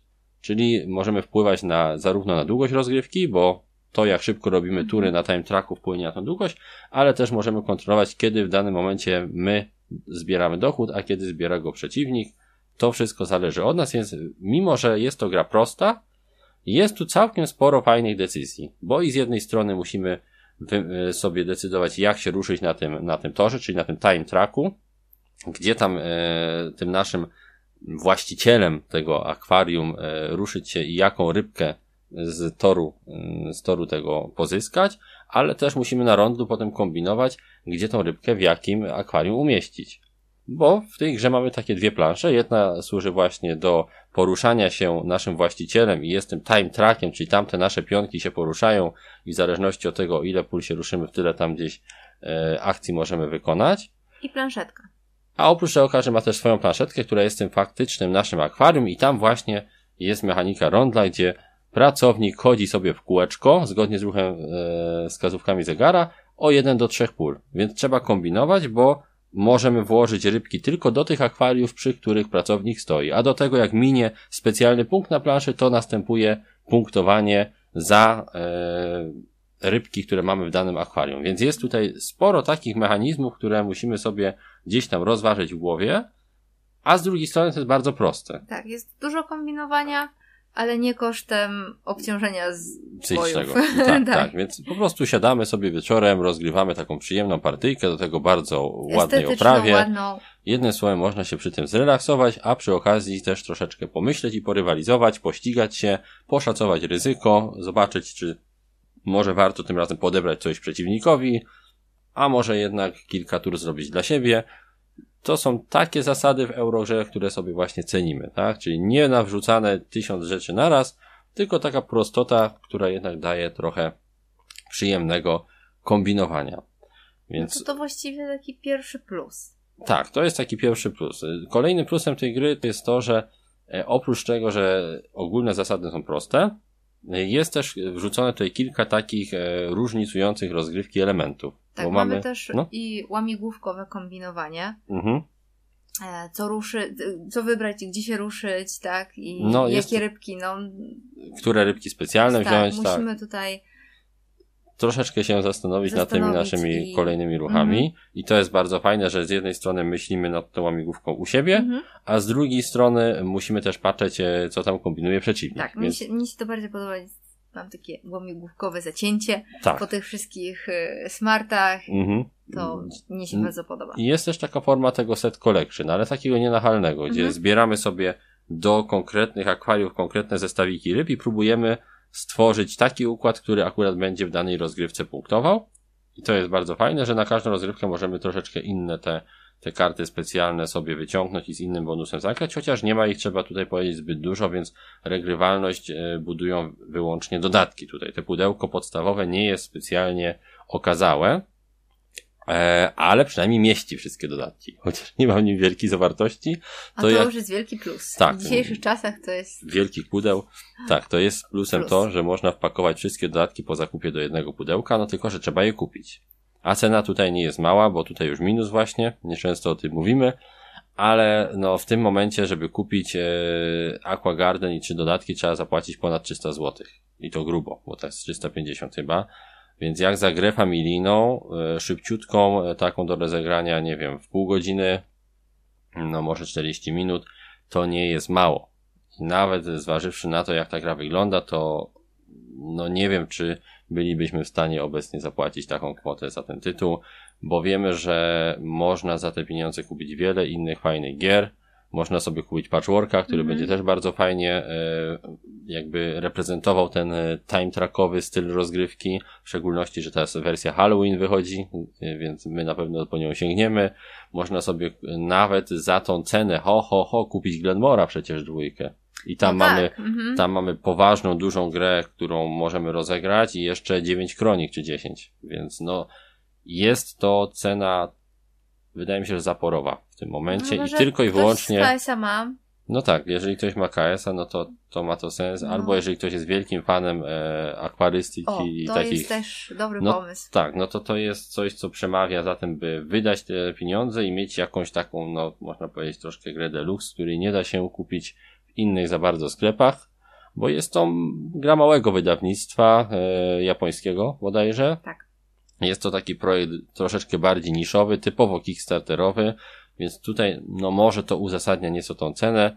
Obecnie grę można kupić e, chyba w Polsce tylko albo głównie w sklepie 3 trole z dodatkami, więc jeżeli skusi Was E, taka estetyka, prostota i elegancja e, zasad ujęta w bardzo ładną oprawę i ciekawy, nie pojawiający się przynajmniej tak ładnie temat w planszówkach. To trzy trole. Tak, to zajrzyjcie do trzech troli i może akurat skusicie się chociaż na podstawkę. Nam się ta gra na tyle podoba, że chcemy ją sobie zostawić na półce. W szczególności, że nie zajmuje zbyt wiele miejsca. No i dodatki są prześliczne, bo dorzucają na przykład wydrę, też tam taką... E... I jest japońska. Tak, tak, jest japońska, więc Iwona od razu musi ją mieć. Wydrę, chodziło mi taką drewnianą wydrę, tak fajnie wygląda ta wyderka z tym takim e, muszlą trzymają na, na, na, w łapkach. Ogólnie rzecz biorąc, ta gra jest rozczulająca po prostu. Te wszystkie elementy są tak słodkie, że ja się po prostu rozpuszczam, jak nią gram. Dlatego jej nigdy nie sprzedam. No nie możemy no chyba, że to byłaby ostatnia gra na świecie i miałoby od tego zależeć nasze życie. No to pewnie tak. No i mimo, że sama w sobie ta gra, no nie jest jakimś tam wow, tak? Tam, tam nie ma nic nowego w niej. Zasadniczo to jest gra, jakich wiele, ale jej oprawa sprawia, że chcemy ją sobie coś, zostawić. co cię urzeka i tak, to, sprawia, że to jednak Że chcesz zostaje. ją zostawić. I to jest jeden właśnie z tych elementów, o których wspominaliśmy. Ten taki nieuchwytny element, który sprawia, że mimo tego, że może mechanicznie nie jest to nic nowego, chcesz ją zostawić. A w Pradze mechanicznie nie było to nic nowego, nie chcieliśmy zostawić, bo tak. był tam ten jeden element, który sprawiał, że nie chcemy akurat tamtej gry mieć, bo nas męczy. Więc no to są subiektywne odczucia. Tak, na pewnym etapie rozgrywek planszówki no, nie, niekoniecznie muszą decydować czyste fakty. Czasami po prostu chcesz coś zostawić, bo ci się to e, bo masz podoba. Bo masz taki jest... kaprys. Tak, jest po I prostu. To. Tak. I ten układ elementów po prostu akurat tym razem tak zadziała, że chcesz ten, a nie inny tytuł mieć i jesteś w stanie przeboleć na przykład bardzo wysoką cenę, bo po prostu ci się to podoba. Też nie jesteśmy zdania, że filerki muszą kosztować mniej od poważnych gier. Jeżeli są dobrze zaprojektowane i ładnie wydane, to niech kosztują więcej. No to nikt nikomu nie zabroni sobie go kupić. Chociaż yy, gorzej, gdy wielkie wydawnictwa tak robią i wydają gry bardzo mocno, yy, bardzo, bardzo wysoko wycenione. Bo jeszcze jestem w stanie zrozumieć, nie, zrozumieć niewielkiego wydawcę, który idzie z grą na Kickstartera i wydaje ją niewielkim nakładem, no to wtedy wiadomo, że cena może być wyższa. Natomiast kiedy e, takie zagrania są ze strony dużych wydawnictw i próbuje się przesunąć e, cenę danego tytułu że tak powiem, bardziej wywindować. wywindować ją i przyzwyczaić konsumenta do kupowania coraz droższych tytułów, to to nam się nie podoba zdecydowanie, ale w przypadku Aqua Garden jako przedstawiciela takich może bardziej indie takich e, gier, no to, to jesteśmy w stanie wesprzeć takie, ta, taką inicjatywę na Kickstarterze na przykład. I to, to wtedy tak. No, ale to taka dywagacja o cenie i o tym, za, czy warto za coś zapłacić, jeśli jest droższe niż, e, niż wydaje się nam, że być powinno ale to, to, to tak nie aż tak dotyczy y, samej rozgrywki, a rozgrywka, jak już zdążyliśmy Wam powiedzieć, jest zwyczajnie przyjemna. Po prostu miło się trybi nad tymi, nad tymi prostymi mechanizmami, miło się przekłada te znaczniki rybek, miło się szacuje, co warto w danej turze zrobić. I jeżeli tylko lubicie takie nieco prostsze gry, a nie szkoda wam e, kasy tak wydać troszeczkę więcej na bilet do oceanarium, to przynajmniej zajrzyjcie, zobaczcie, przeczytajcie instrukcje, a nuż wam się spodoba i stwierdzicie, że mieć taką wizualną perełkę w kolekcji, to lepiej niż kupić e, kolejne dwie eurokobyły na Mhm. przykład. Mm, Co kto lubi. No tak. My na e, BGG daliśmy siódemkę z takim Z plusikiem. plusikiem. za temat i wykonanie, tak? Czyli może, gdybyśmy mieli oceniać całą mechanikę, to pewnie byśmy dwa plusiki odjęli, ale temat i wykonanie nam tą grę nieco winduje do góry i sprawia, że po prostu chcemy w nią zagrać. Jest to zwyczajnie ładna, taka nieco familijna plus gra, która łączy znane mechaniki w coś, co jest przyjemne, dobrze działające, nawet Przyjemne jeśli... dla oka też. Tak, przyjemne dla oka, przyjemne dla mózgu, bo lekko go połechce, a go nie zmęczy. Nic specjalnie odkrywczego Nie wyciora. nie wyciora, ale coś bardzo miłego w odbiorze. No więc to myślę, że to tyle o Aquagarden. Yy, Nie ma Polecamy. tu. Tak, polecamy yy, przynajmniej się z tą grą zaznajomić, jeżeli będziecie mieć okazję. Ale tak jak mówimy, nie jest to nic nowego. Tam to nie jest gra, którą z perspektywy mechanik warto by było się na nią rzucać i kupować, bo ona wam, jeżeli graliście już trochę Eurosów, to Ameryki nie odkryje. Natomiast jest po prostu fajna. Na nas takie coś działa. Tak, na nas czasami takie coś działa. Też takie gry są potrzebne w kolekcji, bo jak się okazuje, otaczając się Kickstarterami po 40 stron, może się okazać, że w żadnego nie macie ochoty zagrać. A sięgniecie po tego Aquagardena z y, czterostronicową instrukcją. Tak, Życie. czasem. Samo tak, życie. Samo życie. Czasem człowiek się zmęczy już tymi wielkimi grami i potrzebuje czegoś lekkiego. No i to będzie chyba tyle. To będzie tyle. Możemy Pakować dalej walizy, ruszać w podróż. ruszać w podróż, wpakować się na prom do Skandynawii. A w Skandynawii czekać będzie na nas kolejna Eurogra, tym razem już nieco większa i wpisująca się w inny e, archetyp Eurosa, o czym opowiem Wam za chwileczkę.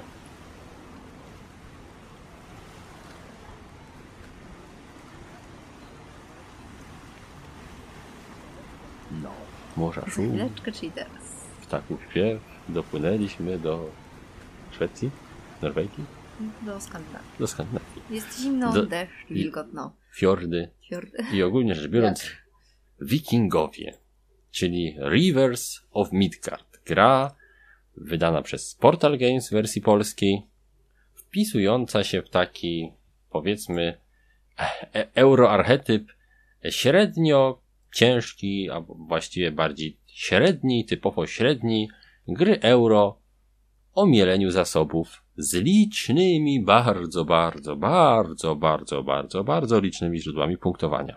Tak. Aż za bardzo licznymi. Aż za bardzo. Czyli mamy worker placement. Tak. Jeden worker placement. Jeden,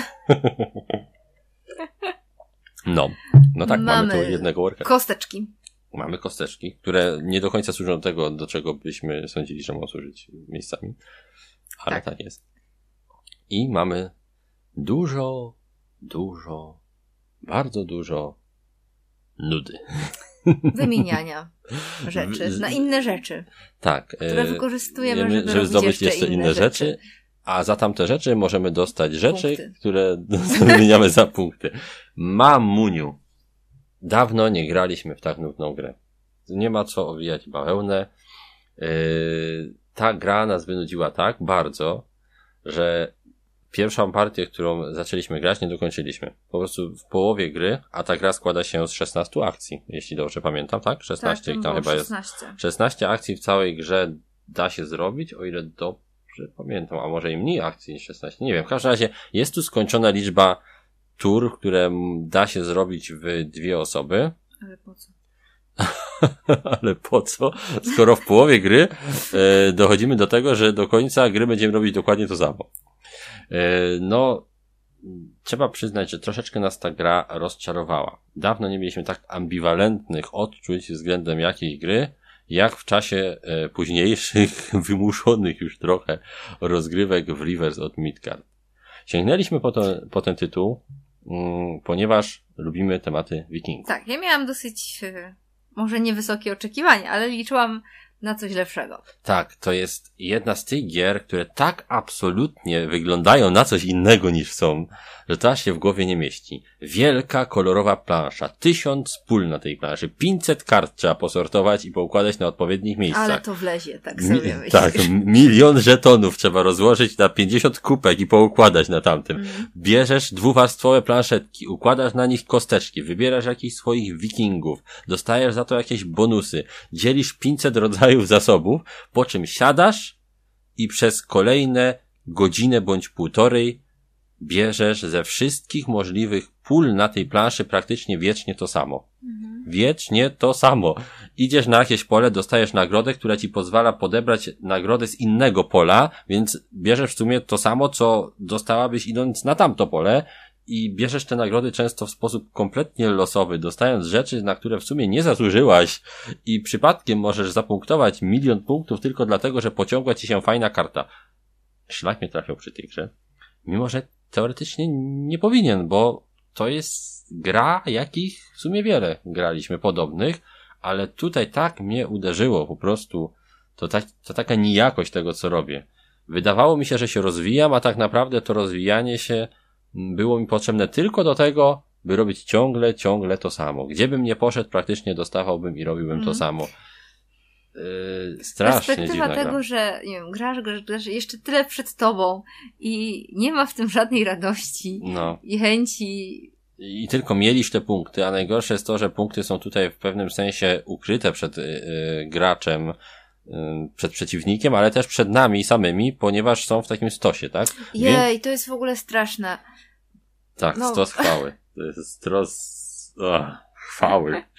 To się Hasiok powinno nazwać. To jest śmietnik. śmietnik. Kupa śmieci. Tak, ja nie jestem zbyt No.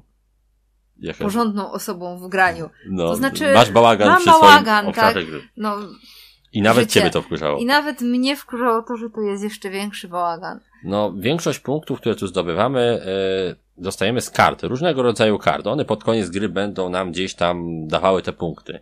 Tylko, że my te wszystkie karty układamy zakryte na jeden stos. No i pomyślcie sobie, gra set collection, w której musisz co chwilę sprawdzać, w jakim secie jesteś, na jakim etapie i czy warto to brać znowu, żeby ten set powiększać. Aha, tu mam, mam już trzy karty skarbów, to wezmę tą, ale mam też dwie karty arrasów i jeszcze mam jedną kartę muru i coś tam, coś tam, a jak będę miał jeszcze jedną, to dostanę coś tam i ciągle mielimy te karty. Przeciwnik zupełnie nie wie, ile masz punktów, bo on się w swoim liczeniu zgubił, a co Mhm. dopiero, żeby liczyć punkty przeciwnika. No, nie jest to gra, która się nam specjalnie podobała. Jakaś jest taka rozlazła, co nie? Tak, nie, nie ma w niej niczego takiego, co by tak chwyciło za serducho i potrząsnęło w nim. Mhm. No, z tych gier, które jakby mamy W planie w ocenić. planie ocenić, to No no zdecydowanie jest najgorsza. jeszcze jedna gra, No, która też może nie wywołała efektu wow, tak, ale, ale przynajmniej znaczną, była porządna w tak, tym, co robi. przyjemność mi sprawiła, mimo tego, że też było, była powtarzalność jakaś w tych ruchach, Ale była taka jednak, czysta. tak, była czysta, wiedziałam, co jest grane, wiedziałam, co przeciwnik Robi, y, robi nie było tego chaosu było i tego bałaganu. bum, wet za tak. wet. No jasne, że tak. To znacznie, znacznie jest- lepiej. Kubka wstydu rośnie, Tak, znaczy 100, 100 kart zwycięstwa rośnie, ty nie wiesz, nie czy zwyciężasz wiesz, co sobie tam nawet. jest, Musisz to ciągle przeglądać. Ogólne pierwsze macasz te wrażenie. karty, wiesz, już się stresujesz, że zaraz będą popalcowane, Tak, tak, tak. w ogóle A, a karty nie są stres, super jakości. ani nic przegryźć przy tym. No tak, bo ciągle karty. Iwonka się bała, że To jest poplami. fatalne. No więc to są takie nasze wrażenia po tej pierwszej połowie rozgrywki. Tak mniej więcej kotłowało się nam w głowie, kiedy graliśmy w to i się zastanawialiśmy się, co się tak tym ludziom podobało w tej pierwszej odsłonie tej gry. Bo była to jedna z, był to jeden z powodów, że sięgnęliśmy po Reverse od Midgard, bo umknęło nam Champions bodajże od Midgard, tak się nazywała ta poprzednia, poprzednia e, odsłona tego, tego jakby cyklu i chcieliśmy zobaczyć, bo podobno te Reverse to miało być takie fajniejsze, nawet te Champions. Jak się już nie dało kupić tamty, to mówię, a weźmiemy se tą, sprawdzimy. No i mamy. No iśmy se sprawdzili. I tak wyszło, że musieliśmy na siłę dogrywać kolejne partie, bo mało która gra e, okazała się dla nas tak nudna, ale żebyście chociaż troszeczkę byli w stanie e, zrozumieć, o co w tej grze chodzi i co tak naprawdę nam się w niej podobało, a co no nie, to teraz e, postaramy się zebrać to, co w takim chaotycznym potoku Mhm. zniechęcenia przedstawiliśmy przed chwilą, formę takich nieco bardziej składnych plusów i minusów. Więc jeżeli znacie zasady tej gry, bo przeczytaliście sobie instrukcję, bądź oglądaliście jakiś gameplay, to teraz my postaramy się nałożyć na tę waszą znajomość zasad nasze e, wrażenia odnośnie części z nich. Co się nam podobało w mechanice, e, gdy chcieliśmy w tą grę zagrać? Co, co raczej przyciągnęło nas od strony mechaniki do tego tytułu? Wydaje mi się, że przede wszystkim fakt, że mamy tutaj ten mechanizm, który dość lubimy z Puerto Rico, na przykład z Race for the Galaxy, czyli podążanie za Mhm. akcją. Coś, gdzie ja robię akcję i wszyscy inni gracze też ją mogą zrobić, tylko że troszeczkę zazwyczaj gorzej, tak? Bez jakiegoś bonusu, może troszeczkę słabiej, ale dzięki temu nie ma tutaj teoretycznie przestojów w grze, Tak, bo można jeżeli... się też odbić. Tak, można się czasami gdzieś tam odbić, odegrać. Czasami to wpływa na, negatywnie na, na nasze plany, bo ktoś wziął akcję, a my chcieliśmy zgarnąć bonus, a to ten ktoś zgarnie ten bonus, bo to on ją aktywował, ale przynajmniej możemy coś zrobić. Nie ma takiej sytuacji, że ja czekam na swoją turę, ponieważ zawsze jest moja tura. Mhm. To było coś ciekawego, co chcieliśmy sprawdzić. Jak się okazuje, no nie do końca pykło, ponieważ co z tego, że zawsze jest moja tura, kiedy te tury zawsze są tak nudne, bo robimy prawie zawsze to samo. W sensie formalnie, kiedy już przejdziemy jakby z lotu ptaka na te wszystkie możliwe akcje do wykonania, to większość tych akcji wykonywana jest w bardzo podobny sposób i skutuje bardzo podobną nagrodą, więc o, o tym tutaj, e, to mam tutaj na myśli. Kolejna część to coś, co to ty e, bardzo lubisz, Iwona, czyli możliwość, A, tak. no, manipulowania To kosteczkami. jest. No, to jest coś fajnego. To jest Przerzuty, fajne, plusy, tak. minusy, trua, zamki Mhm. Burgundii, i nawet Coimbra była ciekawym No. e, e, Jak rozwiązaniem. komuś w kościach, wiesz, tam ręce śmierdzą. No, to tak, to, to manipulowanie jest Manipulowanie idealne. jest idealne. A tu się okazuje, te manipulowanie tak to, to było, je, i tyle o ile jest, ale nie do końca tym jest, czym się spodziewaliśmy. Worker placement, więc coś, co ty, Iwona, uwielbiasz. Fakt faktem, że tutaj jest jeden worker zazwyczaj, no dwie osoby mamy dwóch. No tak. Natomiast no to, co ja gdzieś tam lubię w grach i wymiana tych zasobów na inne, idę Mhm. sobie po to, wymienię sobie, żeby zdobyć punkty, żeby coś zrobić, ale tutaj To ten tak- bałagan i ten tak chaos mnie przytłoczył. przytłoczył. Za dużo tego Trochę te- było, tego bałaganu w tym wszystkim. tak, e, ja nie wiem, tak jakby te mechaniki, które lubimy, zostały tu sprowadzone do absurdu. Worker placement, gdzie masz jednego workera, gdy grasz więcej niż tam dwie osoby. Wymiana zasobów, gdzie tych zasobów jest tak dużo, że już masz dość po prostu tej Mhm. wymiany, bo ciągle gdzieś tam coś mielisz. Set collection, gdzie nie masz kontroli nad tymi setami, bo większość rzeczy dostajesz gdzieś tam losowo jako nagrody, czasami coś tam sobie wybierasz, ale potem i tak to wszystko rzucasz w ten bałaganiarski stosik i musisz ciągle sprawdzać, co tam właściwie Mhm. masz. Możesz oczywiście sobie to układać na kupeczki, no ale wtedy pokazujesz to przeciwnikowi, więc i tak źle, i tak niedobrze. Manipulowanie kostkami, które tak naprawdę sprowadza się do tego, że, że te kostki są formą waluty takiej Mhm. jakby opłaty za, za akcję. Nic ciekawego z nich nie wynika tak naprawdę. Nie czujesz tego, że jesteś Rivers, łupieżcą z Midgardu, Szkoda, bardziej śmieciarzem. Nie dali jakichś takich zasłonek, tak? Żeby sobie móc to Tam układać, no. układać i, i sobie to... Dwa razy lepsze by było e, dołożyć do tej gry zasłonki niż podwójne e, plansze, w sensie dwuwarstwowe plansze. Du dużo bardziej by się zasłonka przydała niż plansza dwuwarstwowa, bo tak naprawdę tam są kostki, które raczej ci się po tej planszy nie będą ściskać. No ale pal licho. To, co na pewno na plus się w tej grze wybija, to jest oprawa. Jest prześliczna.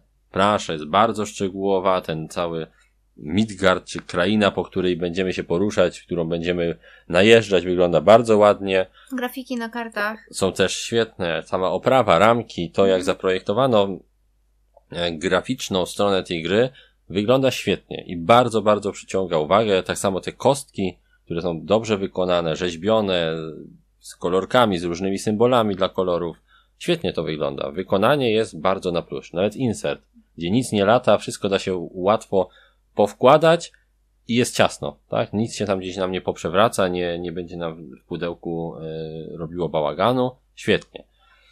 Mechanika niektórych elementów tej gry też jest fajna. Na przykład ta mechanika łupieżców, gdzie mamy karty, które zdobywamy w czasie gry.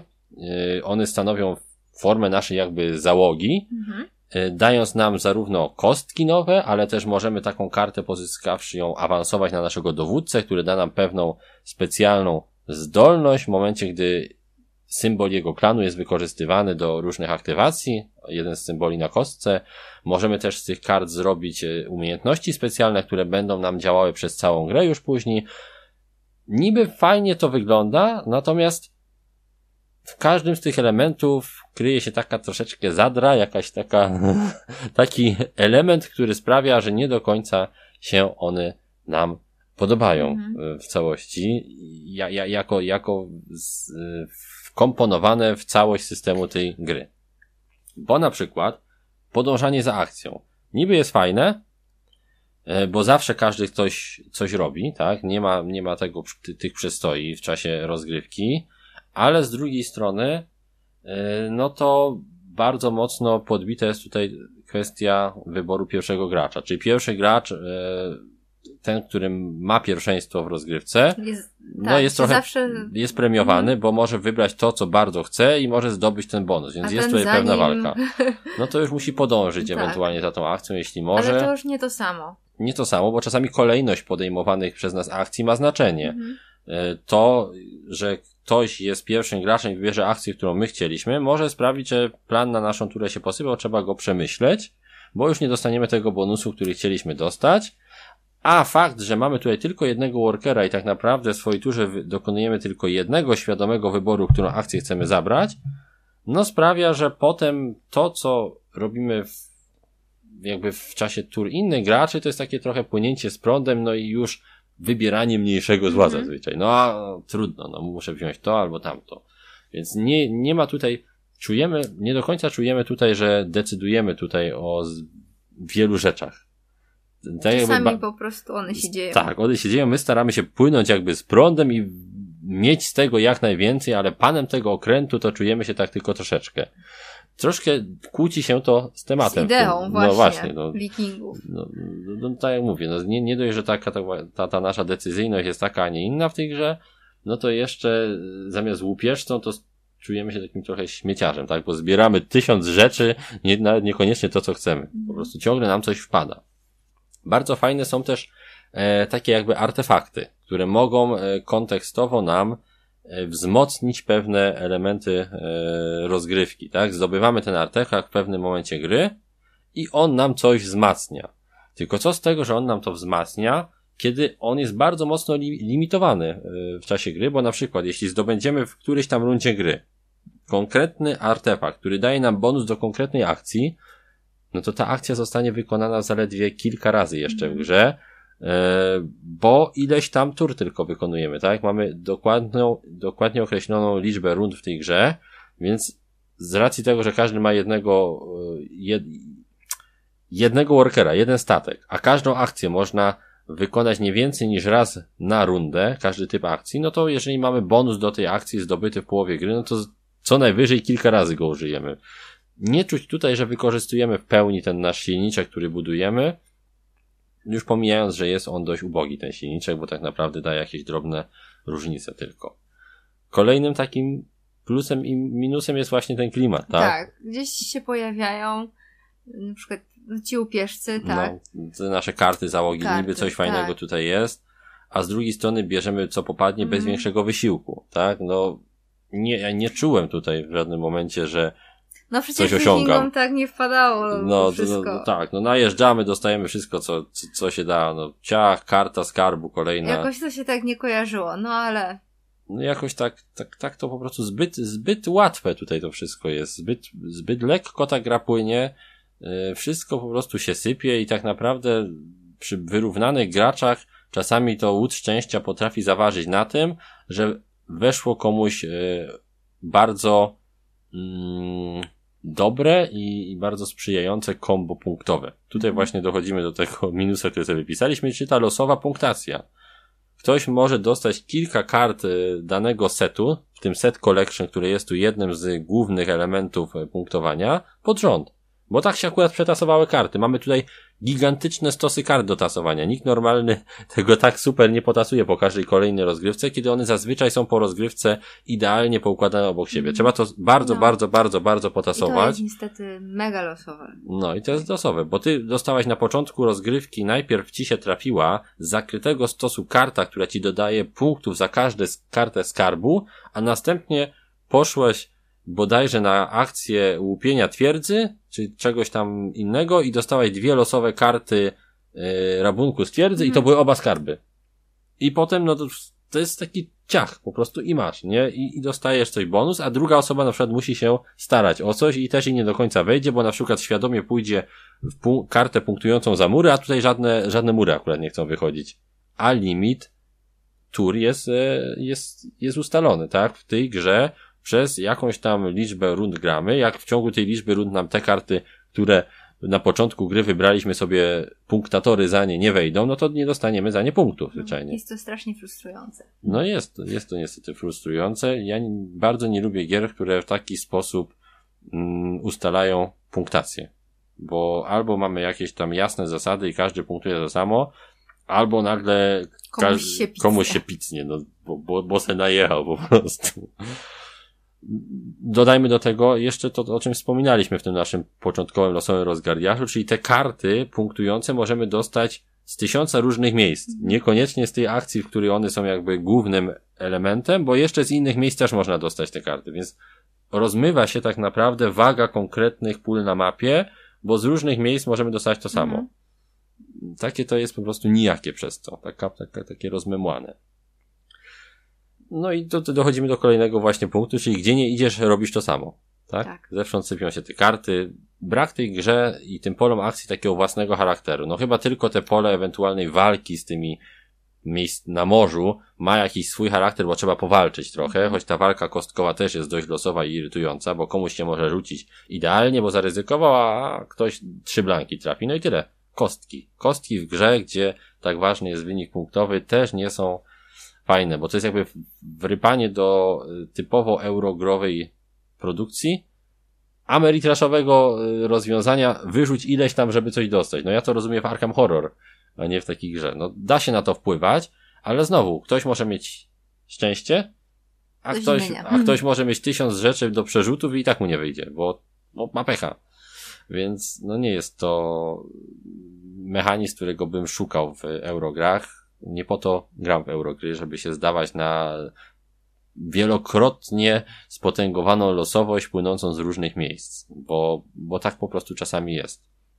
W każdym możliwym miejscu możemy się natknąć na losowość. Kiedy przygotowujemy sobie naszych e, wojowników, czyli tych łupieżców, dostajemy nowe kostki, rzucamy nimi i potem musimy użyć tych symboli jako formy, e, jak, jak to się mówi tego, zasobu, tak? Pewnej formy Można zasobu. powiedzieć, że tutaj ta losowość uderza nas z każdej strony. Tak, tak. My dostajemy po prostu po twarzy od wielkiego wikinga losowości i, i jak ktoś lubi taki taktyczny Mortal Kombat, no to, to to fajnie, ale jakoś chyba nie do końca nam się to podoba. Jednak takie na przykład trua, gdzie jednak jest jakaś kontrola nad tym, jakie te kostki mają wyniki, co możemy zrobić, no bardziej się nam podoba od takiego no rzuć i kombinuj, co z tym zrobić. Ty wyrzuciłeś takie wyniki, no to raczej będziesz musiał iść w to, bo to ci umożliwiają, a twój przeciwnik, haha, wyrzucił inne i ma lepiej.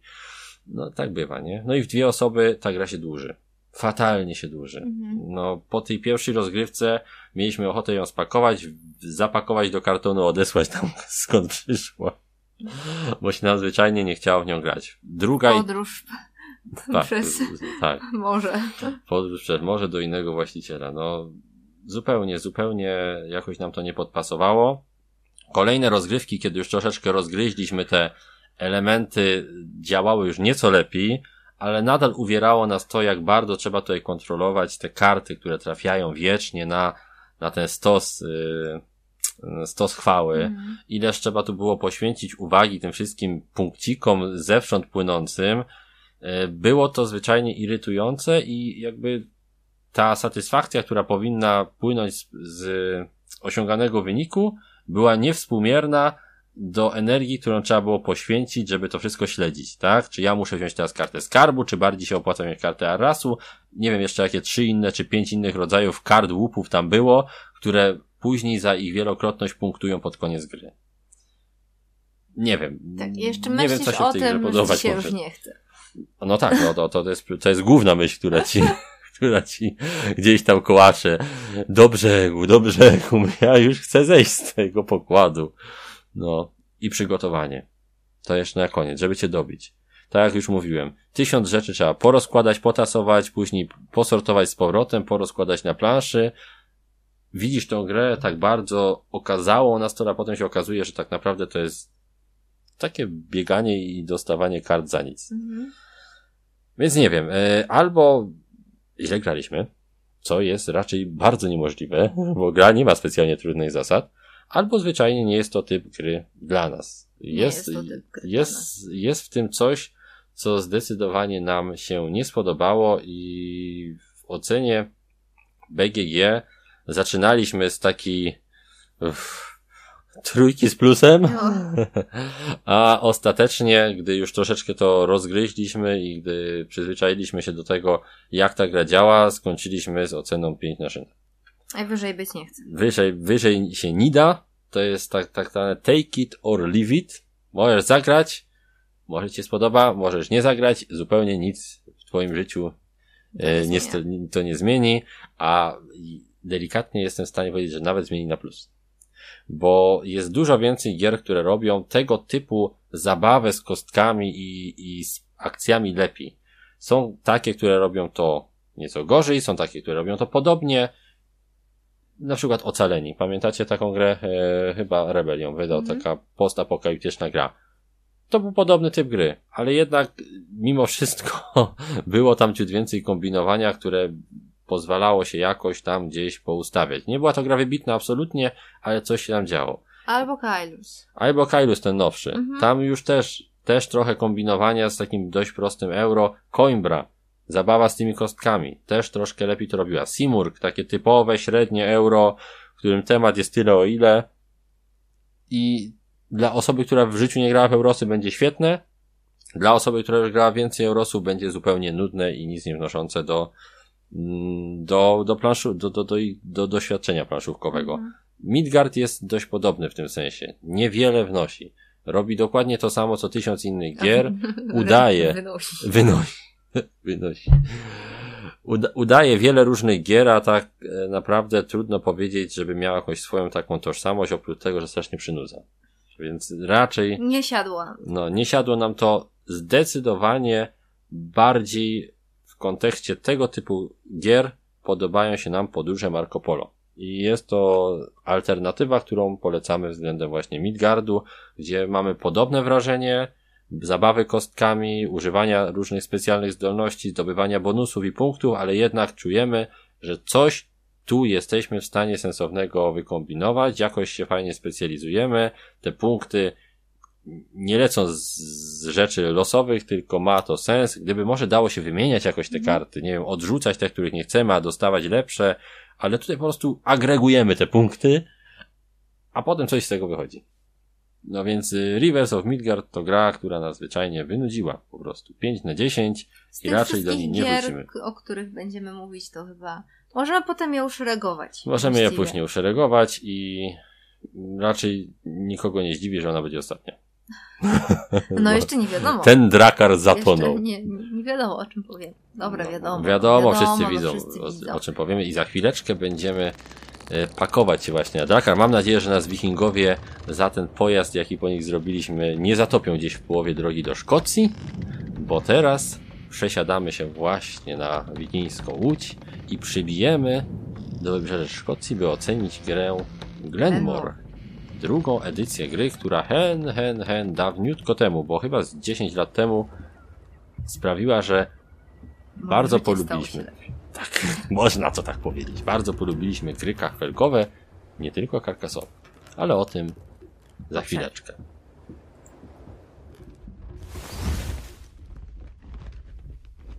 Uff, uwolniliśmy się z łap łupieżców. Nareszcie chwila odpoczynku, Wytchnienia. Wytchnienia, znajomej zielonej idylii, szkockich pagórków, wzgórz i równin, czyli druga edycja gry Glenmore. Możemy się rozpłynąć w dziesięcioletniej nostalgii, leżakującej w naszej growej piwniczce niczym porządne Wino. whisky.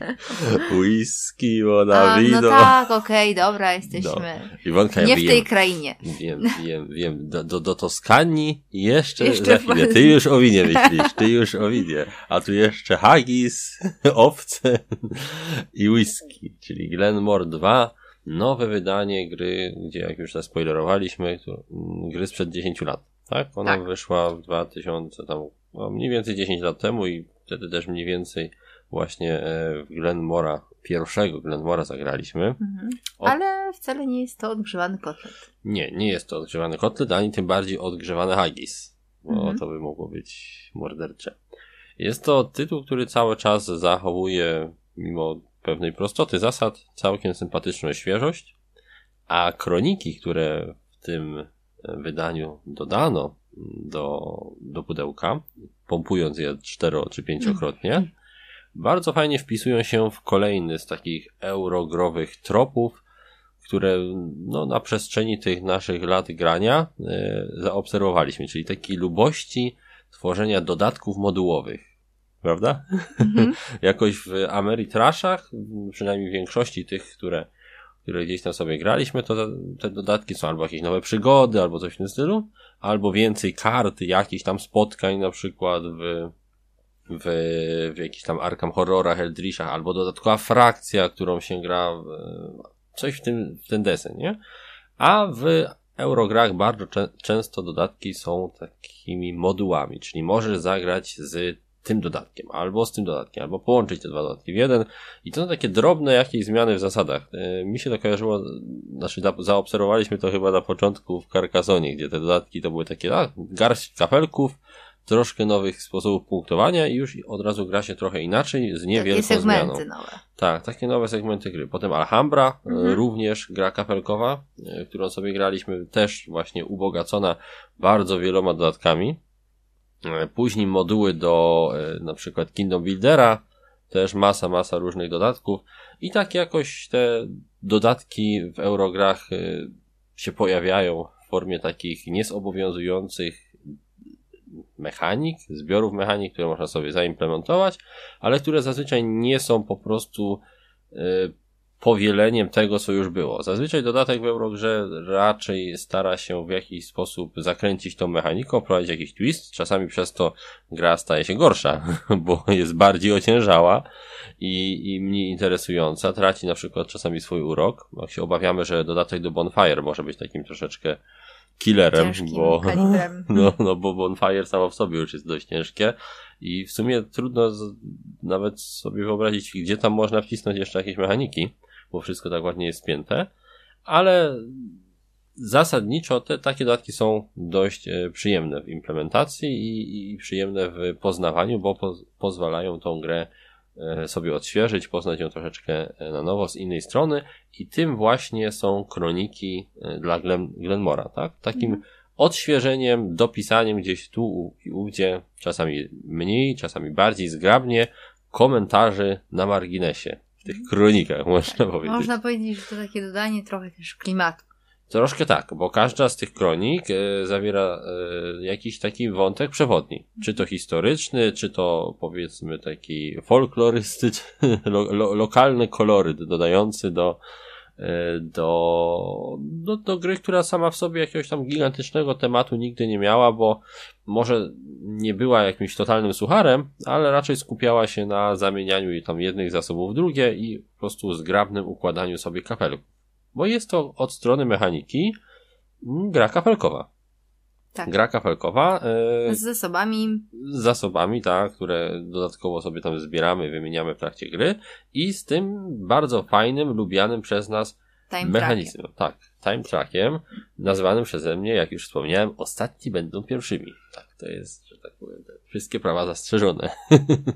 E, to jest mechanizm, o którym już wspominaliśmy dzisiaj przy Aqua Garden, czyli polegający na tym, że akcję podejmuje ta osoba, która na takim specjalnym torze jest ostatnia. Mhm. Czyli ten, kto jest ostatni, ten będzie podejmował akcję tak długo, aż e, ktoś inny nie będzie ostatni. Ostatni Czyli aż nie zostanie przeskoczony, e, przeskoczony przez niego inny pionek.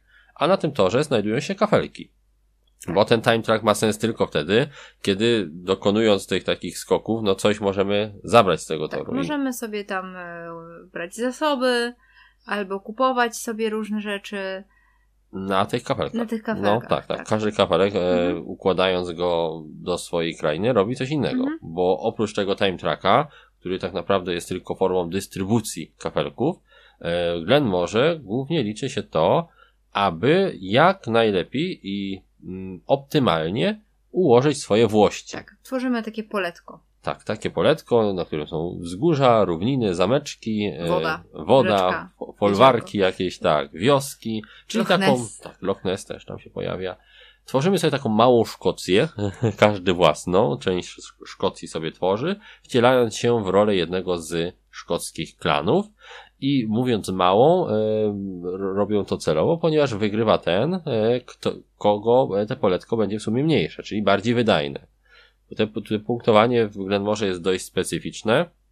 Jest ono jedną z tych gry, która wielu osobom no, nie do końca leżała, o czym będziemy też mówić, bo e, punktuje się tutaj zazwyczaj przez e, różnicę, tak? Czyli ten, kto odejmujemy, kto ma więcej, kto ma mniej, i potem no, no, będziemy o tym jeszcze kilka słów mówić, bo może być to coś, co zniechęca czasami do, e, do gier, taki właśnie nieco mniej czytelny system punktowania, mniej oczywisty. Ale ogólnie rzecz ujmując, jest to taki właśnie miks czegoś na kształt Carcassonne, czyli właśnie tworzenia sobie poletka z Eurogrom, taką dość klasyczną Eurogrom e, zamiany jednych zasobów w inne. Możemy tutaj też oczywiście zasoby kupować. E, kupować sobie je na specjalnym rynku, który też jest tutaj całkiem fajnie zaimplementowany, bo jest to mechanizm bardzo prosty. I jeżeli ktoś coś sprzedał, to oznacza, że popyt na to dobro maleje, ale za to można sobie to dobro kupić. Tak? Czyli jest tutaj taki fajny, wymienny e, mechanizm e, sprzedaży i zakupu e, generowany przez graczy. Tak? Fajnie, fajnie jest to zrobione. Dodatkowo, e, jeżeli już mówimy o tej nowej wersji gry, to całość wygląda też bardzo ładnie. Tak. Bo no nie jest takie już typowe, eurowate, Mhm. niemieckie Jest- wydanie. Y, Bardzo przyjemne są kolorki, bardzo dobra jakość jest elementów. Aż, aż za dobre miejsca. Nie. to dobra, tak. Y, Fajne są te rysunki, nie są takie No nie są proste. takie artystyczne Tak, bardziej, bardziej w większości artystyczne. elementów. Chociaż y, naklejki wydaje mi się, że mogłyby być lepsze. No, te naklejki na elementy drewniane. Już pomijam to, że naklejanie ich to jest masakra. Ja bo... się w naklejki nie bawię. W sensie ja tego nie naklejam. No, no, ja to naklejałem oczywiście. Więc nie jestem w stanie gorączki. się wypowiedzieć na ich temat. No, na, natomiast Oprócz tego, że osoba, która naklejała, była e, y, poirytowana. porientowana. No tak, a naklejki fajnie, że są, natomiast skoro już je dodali, mogli zadbać o to, by wyglądały tak samo jak reszta oprawy, a one mają taki styl wr- wręcz można powiedzieć clip artowy. Co mi się nie do końca podoba, bo nie pasuje do tej artystycznej reszty, o której sama wspomniałeś, że wszystko jest takie ładne, e, gdzieś tam e, z namaszczeniem narysowane, a tutaj mam takie bardzo, bardzo uproszczone te grafiki tych szkotów, które naklejamy, bardzo, bardzo, bardzo uproszczone grafiki zasobów, i wygląda to zwyczajnie dziwnie, jakby wyjęte z innej gry i to też nie do końca mi się podoba. A nawiązując jeszcze do tej jakości, skoro już o tym mówimy, bo jako, przez jakość myślę, masz tu na myśli to, że dużo drewienek, e, Tak. ładna, ładna oprawa i tak dalej, ale nie można Krówki, zapomnieć, no, owieczki. krówki, owieczki, wszystkie wycięte miple są ładne, ale też nie można zapomnieć o tym, że te kafelki są straszliwie grube i wszystko jest tutaj bardzo wielkie. A ta gra niegdyś zajmowała no jedną piątą chyba tego, no, a jedną czwartą na pewno tego, ile zajmuje teraz. I wcale ta gra nie musiałaby być tak aż napompowana. Z kafelków, z tak grubej tektury ona się wręcz kruszy. E, No był ten problem, no, tak. nie dość, że była nie- niespecjalnie dobrze wyszlancowana, więc się trochę rwało przy wypychaniu, to jeszcze w czasie rozgrywki cały czas gdzieś tam jakieś wióry tak, taki, tak, takiego pyłu o, o, odpadają z tych kafelków, więc nie jest to najwyższej chyba też jakości te tworzywo karton, bo, bo po prostu się y, cały czas gdzieś coś z tego jeszcze trzeba, trze- trzeba było każdy z tych kafelków wziąć i tak delikatnie oczyścić e, ręką, żeby, żeby w czasie rozgrywki to nie pozostawiało takich e, takiego pyłu na stole. Zwłaszcza na czarnym stole. Zwłaszcza na czarnym stole, który my niestety posiadamy, więc e, było to podwójnie widoczne i podwójnie irytujące. I jeszcze minus, jak się okazuje, w całym tych minusów trochę tutaj jest do tego wykonania, bo monetki. A, no to taki minus. No, No, no takie trochę brzydkie te, te, te monetki, takie trochę niefajne wrzucanie e, do tak ładnie wydanej gry i do tak w sumie no nie taniej gry, tak paskudnych monet, no na które pierwszy rzut oka one nawet nie wyglądają jak monety. to, to są jakieś jednokolorowe e, malutkie żetony w kolorze musztardy miodowej z logo gry. No już w starej wersji przynajmniej one były stylizowane na ówczesne monety, a tutaj to po prostu taki badziew jest. Zupełnie o nich zapomniałam. No właśnie, były tak ni, nijako paskudne, że, że, zapomniałam. zapomniałaś. Ale można sobie dokupić ładniejsze monety. Wydawca e, przygotował. No taki troszeczkę, powiedziałbym, paskud, paskudna zagrywka, tak? Zróbmy jak najbrzydsze monety podstawowe, żeby każdy chciał kupić monety dodatkowe z metalu, które kosztują 70 zł tam, czy, czy 60. No, no nie, niezbyt mi się podobają takie zagrywki, bo skoro w poprzedniej edycji dało się to zrobić ładnie, to czemu tutaj robimy takiego mm, Wała. no właśnie. Niefajne to jest. Y, Jeszcze, skoro już tak weszliśmy w te minusy, a potem będziemy już tylko słodzić tej grze, więc może dodajmy do tego fakt, że wraz ze wzrostem y, gabarytów tej gry można było zrezygnować z jednego elementu, który poprzedni też nie był jakoś specjalnie cudowny, czyli żetony punktów.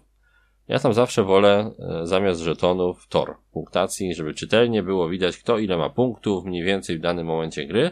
A tutaj my po prostu dostajemy żetony punktów o różnych e, nominałach. Z tym, że no jest to męczące, bo ciągle dziubiemy te punkty, ciągle sobie gdzieś tam dorzucamy e, do tych naszych zbiorów.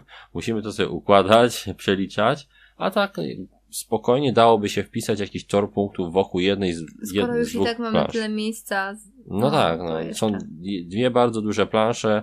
Myślę, że gdyby je odpowiednio przeprojektować graficznie, to, to dałoby się tam wcisnąć Tor i, też by się zmieścił. i, i, i, i mógłby tak nawet taką całkiem ładną ramkę mm, zrobić wokół tych plansz, więc wyglądałoby to może i fajnie. Więc wydaje mi się, że tutaj te żetony to niepotrzebna w ogóle rzecz jest i, i tak jakoś nie pasują mi do całości.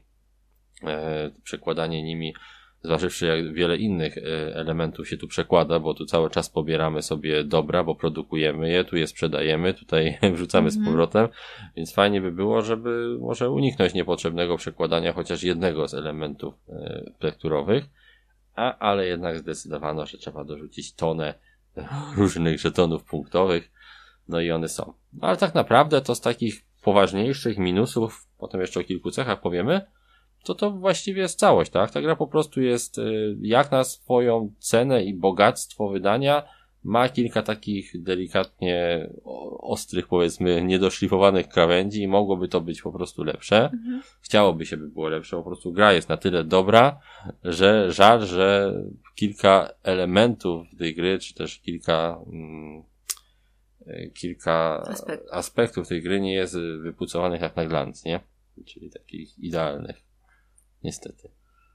No ale No nic, nie jest, nic, nic, nic nie jest idealne. No, może bym tak nie jęczał, gdyby nie ta cena. No, bo ta gra jednak grubo ponad dwie stówki, z tego co pamiętam, kosztuje. A jakieś sypiące się z tektury wióry i, i niepasujące stylistycznie elementy trochę mnie zawsze rażą w oczy.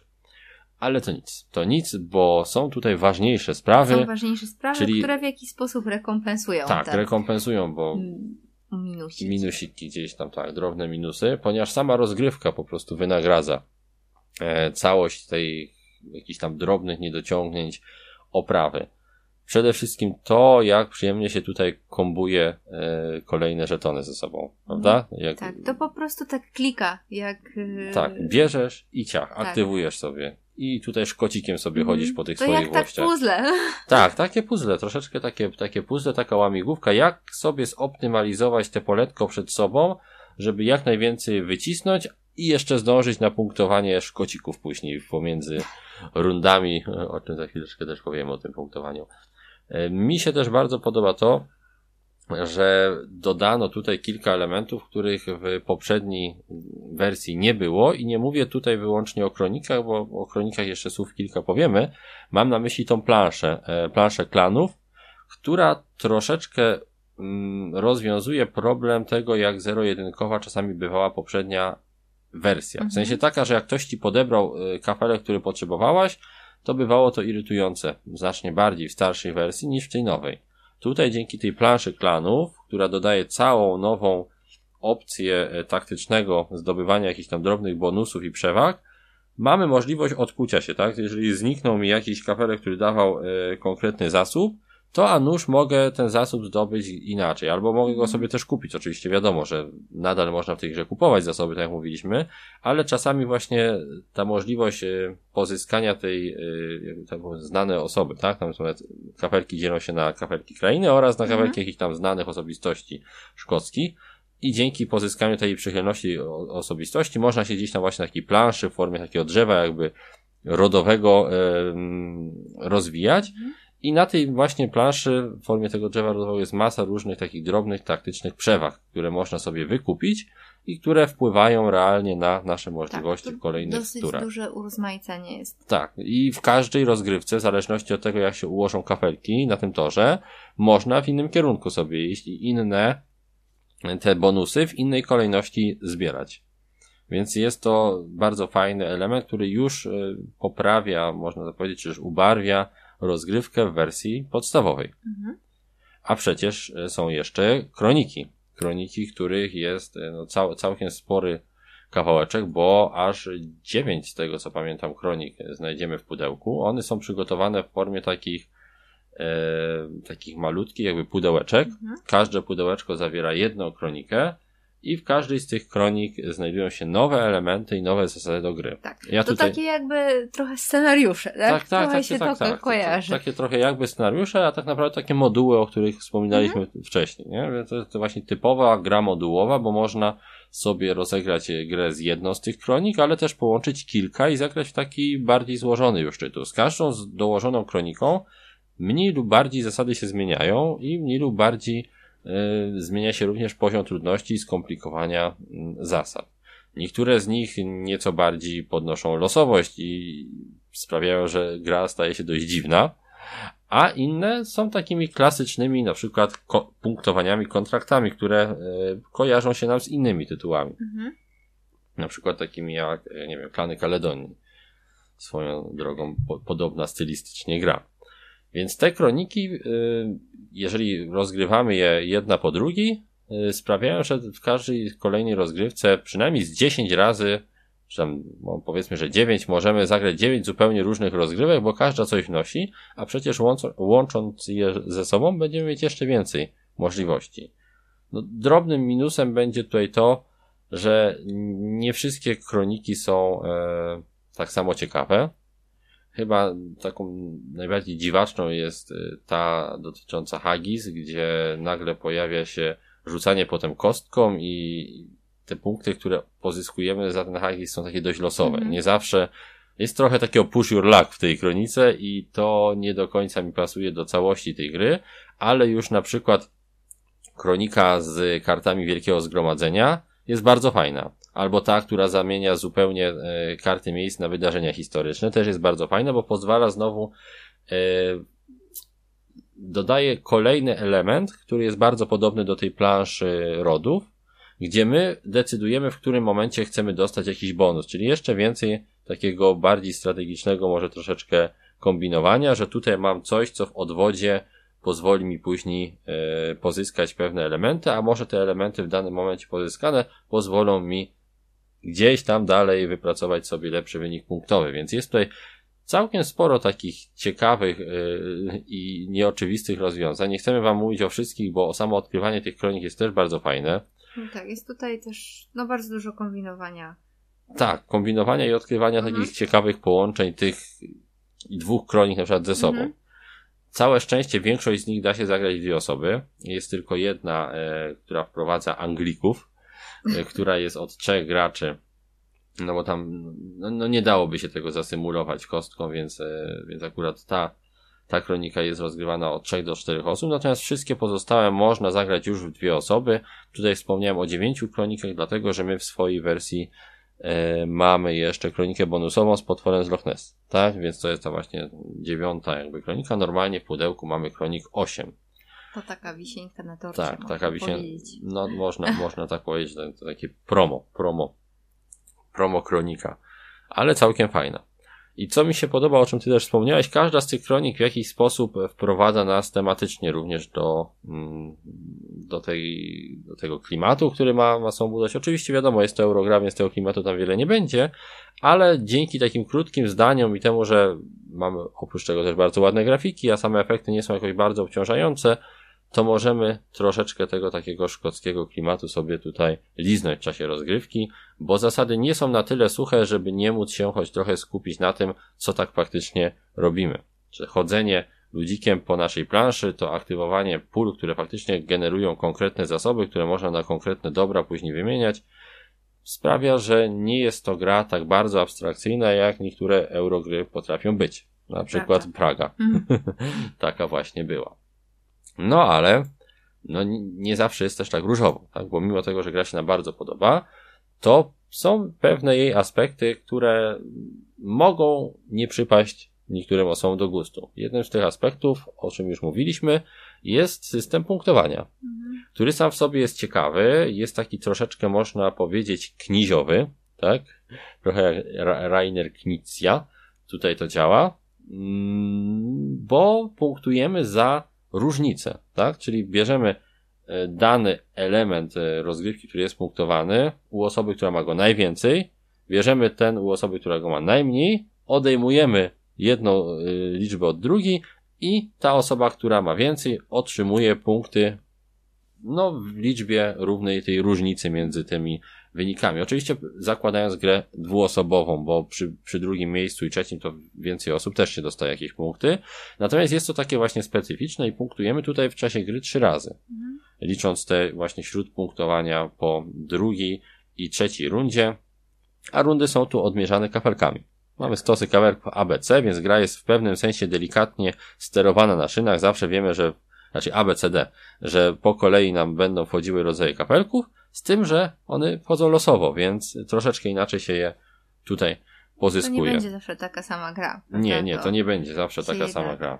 Są tutaj pewne Zmienia. różnice mhm. z rozgrywki na rozgrywkę, które sprawiają, że czasami na przykład wszystkie kapelki produkujące mm, ży, nie, żyto, nie jęczmień, jęczmień, jęczmień tak. wejdą mhm. pierwsze, no i przykro nam, ale jeżeli one wejdą wszystkie pierwsze, to albo je weźmiemy, albo ominiemy i one spadną. A to znowu sprawia, że potem można, może być trudniej produkować whisky. Mhm. Więc y, to są takie elementy, które sprawiają, że trzeba tutaj też reagować mocno taktycznie. A wracając jeszcze do tych punktów, to wspominaliśmy o tym, że yy, specyficzne jest to budowanie tej krainy jak najmniejszej, bo to gracz, który, yy, który właśnie ma najmniejszą krainę, będzie tutaj tracił pod koniec najmniej punktów. Każdy gracz, który ma krainę większą od tej najmniejszej, będzie tracił po 3 punkty za każdy kafelek, ponad liczbę kafelków w najmniejszych włościach. Czyli nie idziemy tu na ilość, tak, jakość. Tu właśnie, jakość. to jest właśnie, zawsze mi się to bardzo podobało w Glenmorze, że to nie jest gra o budowaniu gigantycznego pola z kafelków, takiego jak na przykład w Carcassonne, mhm. tylko bardziej takiego dobrze działającego. Trzeba tutaj cały czas obserwować, jak rozwijają się inni gracze, w co idą, co zaraz mogą nam podebrać. To jest ten taki element taktycznego myślenia, czy ja mam się ruszyć na ten kafelek, czy mogę sobie pozwolić na to, żeby zostawić go na razie, czy może gracz go, e, mój współgracz, przeciwnik mi go podbierze te szacowanie właśnie cały czas tych decyzji moich względem tego, co robi inny gracz, będzie też bardzo ważne w kolejnej grze, o której okay, będziemy jeszcze y, dzisiaj mówić, czyli e, Zamki Toskanii. No tak, tam to jest. Był y, spoiler. Tak, tak, był już spoiler. Ta, jeden. Tam ta gra w sumie głównie na tym polega, na ciągłym szacowaniu ryzyka e, podjęcia danej akcji, czy też odłożenia jej na później. To jest tak. Ach, ale będę o tym mówił później. No, więc tak mniej więcej wygląda e, kwestia tych, tego punktowania, tak? Czyli te, taki, tego elementu, który może nie do końca się każdym graczom podać, który nie jest aż tak czytelny, jakby się chciało względem na przykład takich prostszych gier, jak e, na przykład Carcassonne, mimo że też kafelkowych. No i takim minusikiem, e, czy też cechą, bo trudno to nazwać typowym minusem, kiedy sprawia, że po prostu możemy sensownie zagrać dwie osoby, jest kostka. Prawda? Tak, bo kosteczką sobie rzucamy. I ona kasuje. Ona kasuje, ona się przemieszcza. Po tym torze, mhm. po tym time tracku. i losowe, no bo jak to kostka, o losowe kafelki nam z tego, mm, z tego toru potrafi usunąć.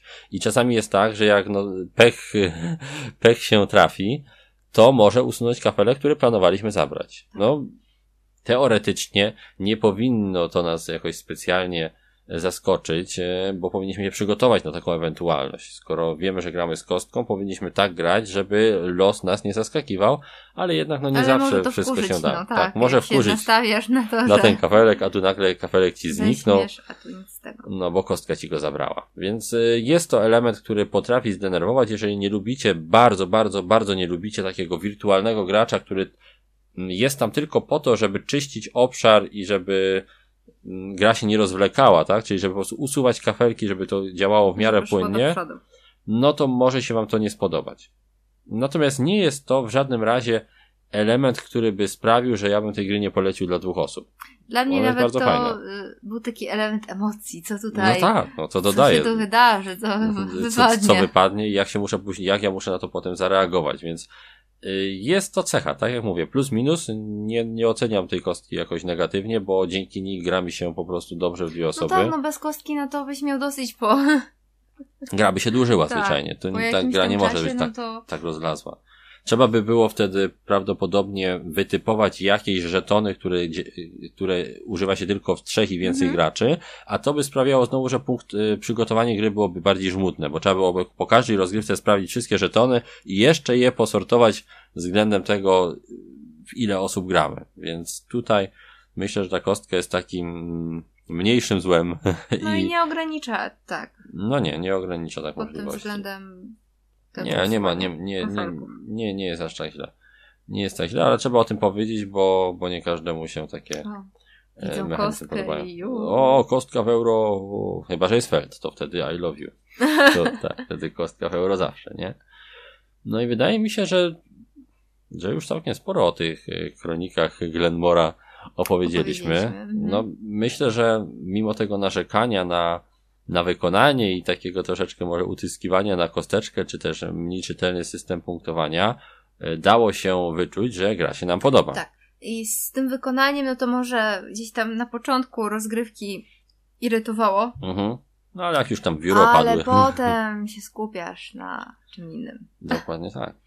Nie no, mi się Glenmore bardzo podoba. Mam nadzieję, że nie działa tutaj głównie nostalgia do tego, że to jest gra, e, pięknie wydana gra, którą, która nam towarzyszyła gdzieś tam na stołówce na uczelni, bo pamiętam, że graliśmy gdzieś tam na stołówce w Glenmora. Ale to nie jest odgrzewany kotlet. No nie, nie, to nie jest, nie jest to. Świeży schab. Świeży, świeży haggis, świeży Mhm. żołądeczek owczy, bardzo dobry, smaczny, polecam. Polecamy. Gra jest bardzo dobra, gra nadal e, po tylu latach potrafi zaskoczyć fajnymi mechanizmami. Mimo, że nie są to może mechaniki jakieś takie bardzo wyrafinowane, to jednak ten time track, jeżeli nie macie zbyt wielu gier w kolekcji, m, które by go wykorzystywały, tutaj jest perfekcyjnie zrobiony. To jest jedna z, naj, z najfajniejszych gier z tą mechaniką. I myślę, że jeżeli właśnie nie, nie macie zbyt wielu takich tytułów, to warto dać Glenmorowi szansę, o ile nie przeszkadzają wam no dość spore gabaryty. Mhm. Bo to jest jednak w swojej powiedzmy naturze dość mała gra. W takim sensie ona nie jest czymś wielkim daniem głównym wieczoru, gdzie siedzisz i mużdżysz. To jest raczej coś, e, powiedziałbym, średnio ciężkiego.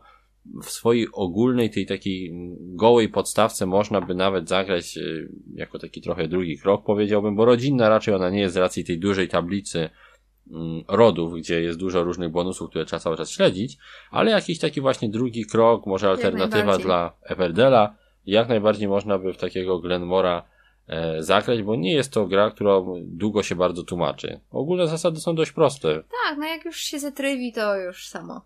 No i fajne jest poznawanie tych, tych kronik, każdej kolejnej, tylko miejcie też na uwadze, że z każdą kolejną kroniką e, ciężar tej gry rośnie, a bywa, że rośnie i losowość. Bo ta, mówię, kronika Hagis jest dość dziwaczna, e, kronika ze stateczkami też troszkę szalona, ze wzgórzem nietypowa, ale no nie, nie chcemy tutaj wam recenzować każdej pojedynczej kroniki, bo materiał stałby się bardzo długi, a i tak jak mówimy, te nasze odkrywanie tych kronik było też bardzo przyjemne, bo celowo szybko je wypsykaliśmy, pochowaliśmy do, do pudełek i nie sprawdzaliśmy, bez grania, tak? Mhm. Czyli każde otwarcie pudełeczka to taka trochę kinder niespodzianka. Więc takie rozpruwanie. Jak pudełko Jak nie czekolady. Tak, tak, jak pudełko Ty o rozrywaniu jak nic innego. A ty o ja pudełku czekoladkach. No Czekoladki o smaku whisky, baryłki można Baryłki. powiedzieć. Baryłki whisky. Tak, y, nie no, Glenmore jest bardzo, tak nie. Glenmore jest grą bardzo fajną. W, na BGG y, odsłona pierwsza Glenmora została przez nas lata temu oceniona na 8 i przez lata ta ocena nie spadła. Cały czas się utrzymała, utrzymała. A to o czym świadczy? A tak, a to świadczy o tym, że cały czas się ta, ca, cały czas się ta gra nam podobała. No i trzymaliśmy ją w swojej kolekcji do czasu zakupu kronik, tak? Czyli mieliśmy tą grę przez 10 lat się utrzymała mimo wielu wyprzedaży, mimo tego, że kilkaset gier e, w ciągu tych 10 lat sprzedaliśmy, to Glenmore cały czas był na półce, był rozgrywany i bawiliśmy się przy nim dobrze. A z kronikami e, dajemy mu jedno oczko do ceny i tym samym e, Glenmore trafia do bank. może nie rozwija go od razu, ale trafia do takiego w perspektywie liczby rozegranych przez nas gier, nie, jak, nie jakoś bardzo licznego grona gier, które mamy, mają u nas dziewiątkę Mhm. z tymi kronikami wybranymi. Takie idealne dla nas euro, gdzie balans między ciężkością zasad, czytelnością tego, co się dzieje w czasie rozgrywki, tematem i czasem przygotowania jest taki Idealny. zachowany. Tak. Tak, bardzo dobrze nam się w Glenmora gra i będziemy ten tytuł prawdopodobnie polecać jeszcze niejednokrotnie, o ile oczywiście osoby, którym będziemy go polecać, przeskoczą gabaryty i cenę, bo tutaj niestety tą no, dość małą i, i przyjemną grę opakowano w duże, Tak, ale Pudło. lepiej sobie kupić porządnego Glenmora niż... niż na przykład kilka, Kilka. gorszych gier. Tak. No, więc czasami warto zainwestować w coś ciekawszego, może droższego, niż się męczyć Ale z tym na lata. Ach, na lata. Na lata. Na lata. No tak, my też w końcu wróciliśmy tam, gdzie byliśmy. e, Do Glenmora po raz kolejny. Nie będę tutaj śpiewał e, przebojów e, Zbyszka Wodeckiego, bo, bo to nie będzie pasowało do tematów szkockich, ale tak, ro, mam podobne odczucia mam, kiedy gram w Glenmora. Nostalgiczna podróż do lat, kiedy poznawaliśmy Eurosy. Gdy Gdzie byliśmy wszystko było- piękni i młodzi. Tak, gdzie, gdzie, gdzie byliśmy piękni i modzi, a wszystko było prostsze, czystsze i bardziej eleganckie. Już tetryc, tetrycy z nas wychodzą. Okej, boomer. A, a młodzież była lepsza. A młodzież taką nie było, takie pieniądze. Ta- ta- Tak. Taka baba, wiesz, teraz ten mem Nie z było. Simpsonów, dziadek, który krzyczy, złorzeczeszy ptakom na niebie. To Oj, kończyć. tak. Trzeba kończyć Trzeba tym kończyć, bo momencie. my już wchodzimy w takich, takich ten, źle. taka loża, loża szkockich dziadów. Trochę ma, ma, mapety, loża szyderców. Kiedyś to było. Tak czy inaczej, inaczej polecamy wam e, Glenmora. Zupełnie nie piliśmy whisky wcale przy tej recenzji. Jesteśmy kompletnie trzeźwi. Nam się po prostu już język plącze, bo to już czwarta gra, o której wam dzisiaj opowiadamy. Więc hej ho. Hej ho, do brzegu. No właściwie do brzegu Europy, bo musimy się przetransportować ze Szkocji, przyjechać, Samolotem. przyjechać przez Francję, żeby trafić do Włoch, do Toskanii. I nie samolotem, tylko naszym Euroexpressem z Aha, bo powrotem. mamy Euroexpress. No tak, i to już się zdążyłaś zapomnieć, no. Po tej, po tej podróży z wikingami Niestety, można zapomnieć o wszystkim. jestem już e, starym tetrykiem i Jesteś wykończona. już No tak, już wchodzi niestety. wchodzi. No tak, a ty jeszcze o winie mi tu mówisz, Iwana. No tak, no tak, to ja się boję, jak będzie wyglądała recenzja zamków Toskanii. Ale Nie, tego, się. Tego się dowiecie za e, niebawem, Za chwilę. za chwilę, po krótkiej przerwie, bo my musimy łyknąć sobie herbaty. No tak, no ja, ja herbatę jak zawsze i woda wina, no. No ja, musi być jakiś podział. Ale to Cóż. nie moja wina. To nie twoja wina. God damn it. Przerwa. Pa!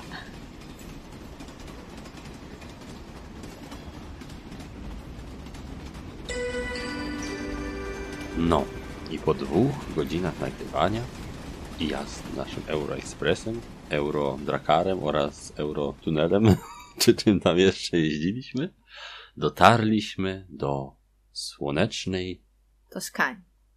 czyli wino, zameczki, miasteczka. A nie, czekaj, to Stefan Feld. Czyli sucho, Niemcy. sucho, sucho. Guten Deutschen Euro. Winogrunen. Tak, euro, euro i to w takiej bardzo czystej niemieckiej Postaci. postaci. Stefan, chociaż nie do końca Stefanowy taki, bo można by się było spodziewać troszeczkę innego tytułu po Stefanie Feldzie, Mhm. a okazuje się, że zamki Toskanii są mylące na wielu płaszczyznach.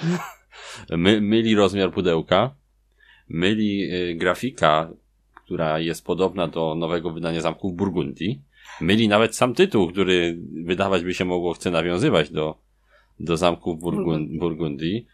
E, Mylą grafiki na kafelkach, e, które też są troszkę podobne do zamków Burgundii, a to nie są zamki z Burgundii. To są zamki Toskanii. To zupa jest z Brukselek, jakby to było w Asterix misjach Kleopatra. Nie te zamki. Nie te zamki. To nie są zupełnie te zamki, ale czy to znaczy, że to są złe zamki? Nie. To są całkiem dobre zamki. Mhm. Takie Gerda, antyzłamaniowe. Widzę, że Odbija idzie mi. dobrze. Nie, nie jesteśmy po winie. Zupełnie nie. Nadal herbatka, ta sama. Zimna już niestety. I do tych zamków też trzeba podejść na chłodno. Mhm. Bo po pierwszej rozgrywce zamki e, Toskanii, teraz nie Żeby mówię, że, się żebym nie mówił, że. Burgundii, no, bo by było, byłoby słabo. Po pierwszej rozgrywce zamki e, Toskanii, którą e, przegrałem z Kretesem, no, byłem skłonny zgodzić się z krążącymi gdzie niegdzie opiniami, że w tej grze jest taka niezawstrzymywalna kula śnieżna, której się nie da po prostu skontrować i, i po prostu jak ktoś się rozpędzi w pierwszej rundzie, to amen. A się okazuje, że wcale nie do końca. Że tak wcale nie jest tą kulą śnieżną, tylko jest to jedna z tych gier, które trzeba bardzo dobrze poznać. Ponieważ e, w przeciwieństwie do zamku Burgundii i wielu innych gier Stefana Felda, zamki Toskanii są grą ekstremalnie, ale tak ekstremalnie taktyczną, nie? Mi to przypominało, nie wiem czy tobie również, grę, która no zupełnie znaczy ideowo, tak? Tak, tak w sensie uczucia w czasie rozgrywki mi to przypominało innowacje. Dlatego tak dobrze mi szło. No właśnie, to samo. To, e, grając w Zamki Toskanii, e, przez większość rozgrywki odczuwałem tą samą irytację z przegranej i z tego, że nie, nie zmierzam do porażki, jak w innowacjach. E, tutaj każdy e, ruch wymaga taktycznego po prostu myślenia, wymaga dokonania wyboru, który jest ważny tu i teraz, nie jakiegoś wielkiego planowania e, kolejnych ruchów, tylko optymalizowania tego, co mam tutaj, żeby wydrzeć jak najwięcej, ponieważ im wcześniej pewne punkty tutaj zdobędziemy w grze, tym więcej one dadzą nam pod koniec. Tak. Ponieważ- Bo specyficzna jest też punktacja. No dokładnie tak. Mamy podział na dwa punkty. E, znaczy na dwa, Dwa punkty. Na dwa, no, tak, tak, tak. Dwa rodzaje punktów.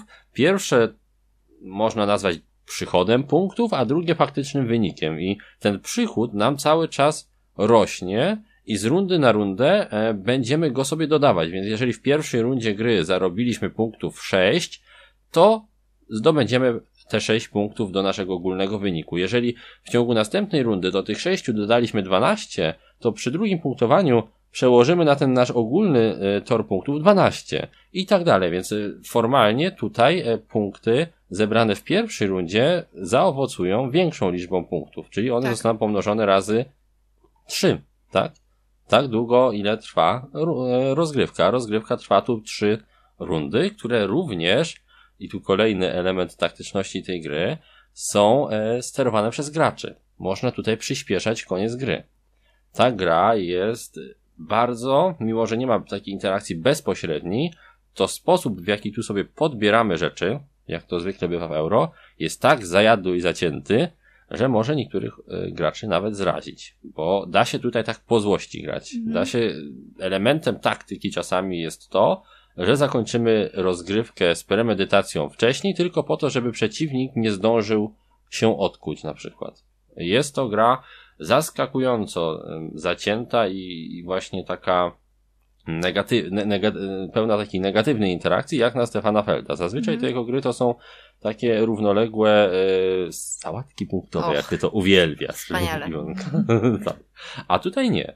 Tutaj e, jest to pewna forma układanki takiej troszeczkę, mo- może nie tyle logicznej, co przestrzennej. Każdy z nas musi zapełnić takie poletko e, kolorowy, zapom- poletko, trzy, czy tam można powiedzieć trzy planszetki e, złożone ze sobą trzeba zapełnić kolorowymi heksami. Wygląda to podobnie właśnie jak w zamkach Burgundii, z tym, że tutaj my kafelki draftujemy. Nie ma żadnych kostek i tego typu rzeczy, tylko cały czas, co rundę dobieramy sobie, znaczy może nie, nie w każdej rundzie, ale w większości rund dobieramy jakieś kafelki, rezerwujemy je, a potem możemy ułożyć na naszej planszetce. Cała gra ma bardzo, bardzo proste zasady, co jest Tak. jej wielkim plusem. Wbrew pozorom. Wbrew pozorom, bo cała rozgrywka polega na tym, że masz właśnie te swoje poletko, masz na nim trzy kafelki, które musisz zapełnić e, kolorowymi heksami, W jak najlepszy sposób. tak, w jak najlepszy sposób. Zawsze dostępne jest 8 tych heksów e, na wspólnym rynku i w swojej turze możesz tak formalnie zrobić trzy rzeczy. Albo zarezerwować jeden z tych dostępnych ogólnie kafelków do swojego magazynu, albo zagrać ten kafelek z tego magazynu zarezerwowany na swoją planszę, ale wtedy trzeba zapłacić kartami. Tutaj to działa bardzo podobnie jak w wielu innych grach. Odrzucamy dwa, e, dwie karty w takim kolorze jak ten kafelek, a, e, znaczy albo możemy jakiegoś jokera użyć. No, jest, tak, jest, są trzy tak, opcje tam. jest, chyba. jest sporo opcji, jak, ten, za, jak za to zapłacić. Tak czy inaczej trzeba zapłacić za to kartami z ręki, a trzecią opcją jest po prostu dobranie tych kart, czyli uzupełnienie. Banalnie proste zasady i cała głębia tej rozgrywki wiąże się, mm, czy tam kryje się w tym, że każdy z tych kafelków, y, które sobie kupujemy, które sobie draftujemy, ma jakąś specjalną zasadę. Dołożymy sobie miasto, a to możemy sobie ulepszyć planszetkę, żeby pewne rzeczy robić lepiej, na przykład mieć więcej miejsca na, na rezerwację kafelków. Dołożymy sobie klasztor, a to dobieramy trzy karty dodatkowe. Dołożymy sobie bodajże wioskę, a to dostajemy chłopa, e, który może być jokerem zamiast karty i tak dalej. E, Każde dołożenie kafelka mm, daje jakiś efekt. I takie kombowanie sobie tych efektów w ramach jednej tury sprawia, że możemy zdobywać na przykład punkty szybciej i wydajniej zakończyć daną rundę. A runda, co tak jak mówiliśmy, co ciekawe, kończy się tutaj wtedy, gdy wyczerpie się jeden z naszych stosów kafelków, ponieważ każdy z graczy ma na swojej planszetce trzy stosy kafelków, e, które są równe, chyba po siedem w każdym tam jest, tych kafelków i dobierając kafelek, m- mówiąc kafelek mam na myśli heks taki malutki, z tego wspólnego rynku, e, to puste miejsce, które tam e, zostało, pojawiło się po dobraniu tego kafelka, uzupełniało je jednym kafelkiem z naszego stosiku. Z jednego z tych trzech stosików i runda kończy się wtedy, kiedy któremuś z graczy wyczerpie się konkretny stos. Czyli pierwsza runda się e, e, kończy wtedy, kiedy komuś się wyczerpie pierwszy stos, a druga, kiedy komuś się wyczerpie drugi. Tylko, że to niekoniecznie musi być ten sam gracz, bo potem ten drugi, który formalnie był e, opóźniony troszeczkę w tej pierwszej rundzie, tak? Czyli nie zdążył wy, wyrzucić wszystkich kafelków ze swojego pierwszego stro- stosu, może się okazać, że przyspieszy później w drugiej rundzie i szybciej się pozbędzie swojego drugiego stosu, więc tutaj jest bardzo duża dowolność w sterowaniu długością rozgrywki. Gracze mają bardzo duży wpływ właśnie na to, yy, kto ile punktów dostanie. Komuś się może bardziej opłacać e, szybciej zakończyć Tak, e, rundę. rundę Bo, bo wtedy po prostu lepiej zapunktuje. Tak, lepiej zapunktuje. Czasami przez to, że to przeciwnik zapunktuje gorzej. Mhm. Jest to tutaj bardzo istotne. Mam nadzieję, że to jest czytelne. Tak jak mówię, mówiliśmy pierwszym mm, gdzieś tam na samym początku, kiedy to było, dwie godziny temu, warto sobie zawsze poczytać instrukcję, Mhm. bo ta instrukcja jest e, przy akurat zamkach e, Toskanii też bardzo prosta przy okazji.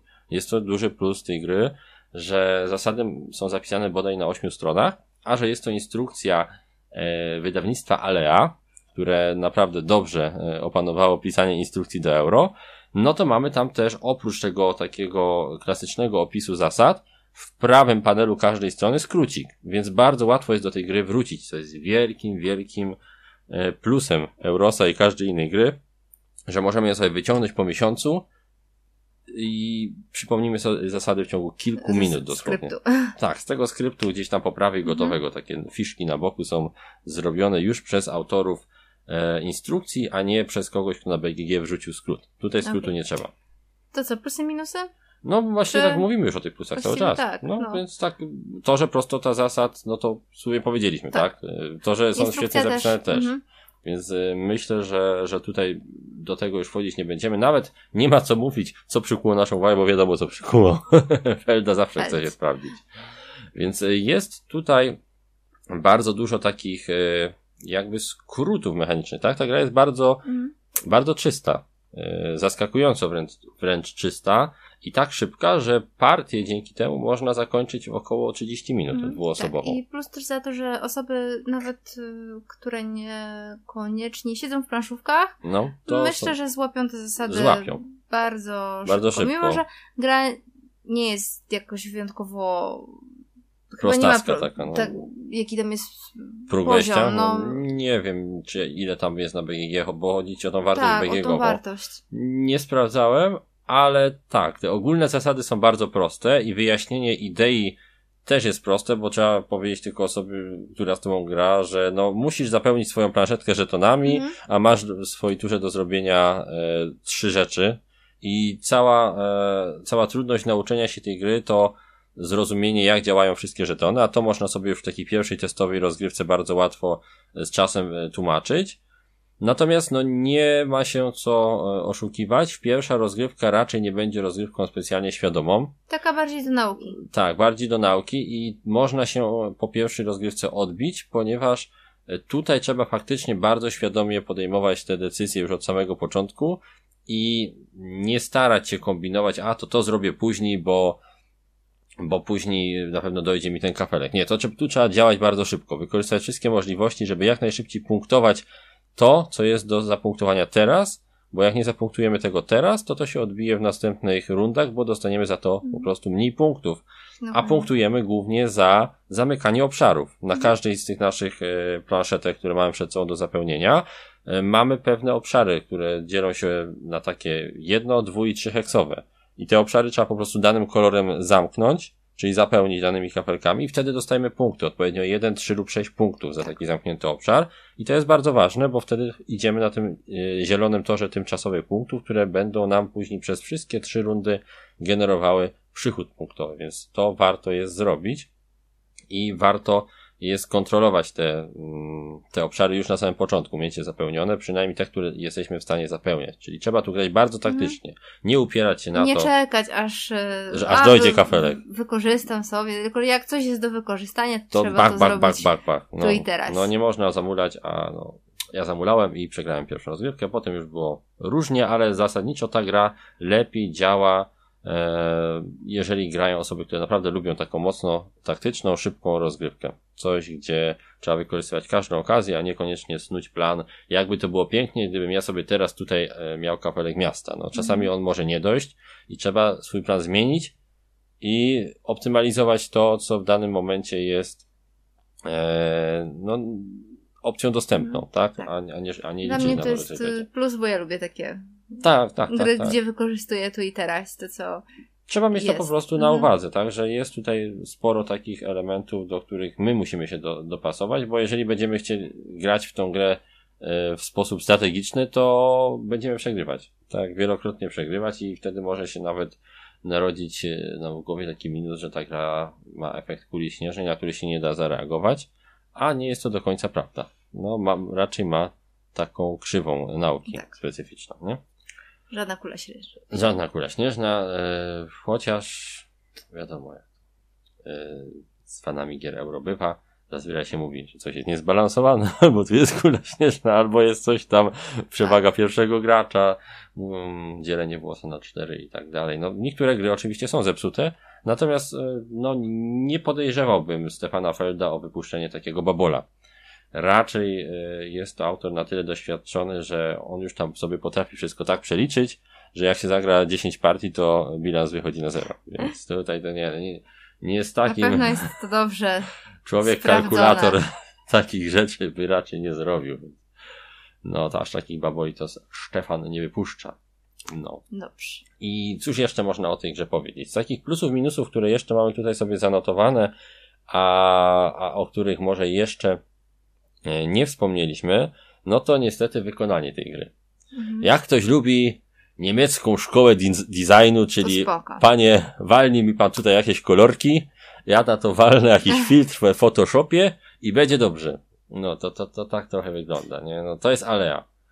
A, a, Ale czy tu trzeba jakoś więcej? No, teoretycznie więcej nie trzeba, natomiast wygląda ta gra jak z lat 2000, nie? To jest tych raczej pierwszych Eurosów. Te gry się praktycznie w wydaniu Alea nie zmieniły od, odkąd pamiętam.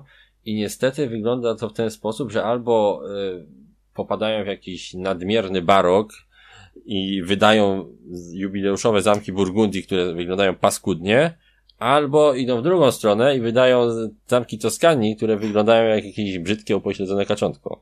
Więc no niestety, to, ta gra nie wygląda dobrze. Mm, wszystko jest w niej jakieś takie nijakie, więc no. No powiem szczerze, że ja się aż tak nie skupiałam na wyglądzie. No ty się skupiałaś na wygranej, Iwona, i to ja ci dobrze szło. no, ja się skupiałam na tych... Na kolorkach. Kolorkach. No bo ta gra, y, gdyby spojrzeć na nią tak z lotu ptaka, to oczywiście ma ten feeling Felda, wiadomo, ale w pewnym momencie to ja czułem, jakbym grał coś od Rainera Knizzi. Więc po prostu jakbym grał jakąś takie, taką grę niemal logiczną. Oczywiście, wiadomo, tu jest masa tych zdolności, tych kafelków, yy, tych heksów znaczy się, więc no nie jest to gra logiczna, natomiast jest jakiś, jakaś taka czystość w tym mechanice, która już prawie o takie właśnie Rainero podobne się klimaty się ociera. Wiadomo, wszystko zostaje w Niemczech, więc nie ma tutaj problemu. Myślę, że by się panowie nie, nie pokłócili, ale, ale właśnie tak to odbierałem, więc no, ta tematyka nie przeszkadza, tematyka, oprawa nie przeszkadza mhm. na pewno w rozgrywce, pomaga, bo, bo wszystko jest czytelne, są też tam znaki dla osób, które mają problemy z rozróżnianiem kolorów, więc gra jest jak najbardziej friendly w tym temacie. A propos tematu, tematów w niej nie ma. Nie gra jest sucha jak, o panie, wiadro, to, to, to, nie, to nie jest wino, są rodzynki co najwyżej. I to takie już troszeczkę. Krakersik. No, to, to nie są sutańskie rodzynki, to są takie małe, nie. takie, że już prawie ich nie widać, tak się skurczyły. Więc, no, czego się spodziewaliśmy? No, na pewno nie tematu, no. Tematu no się nie, od Felda to... nie spodziewamy.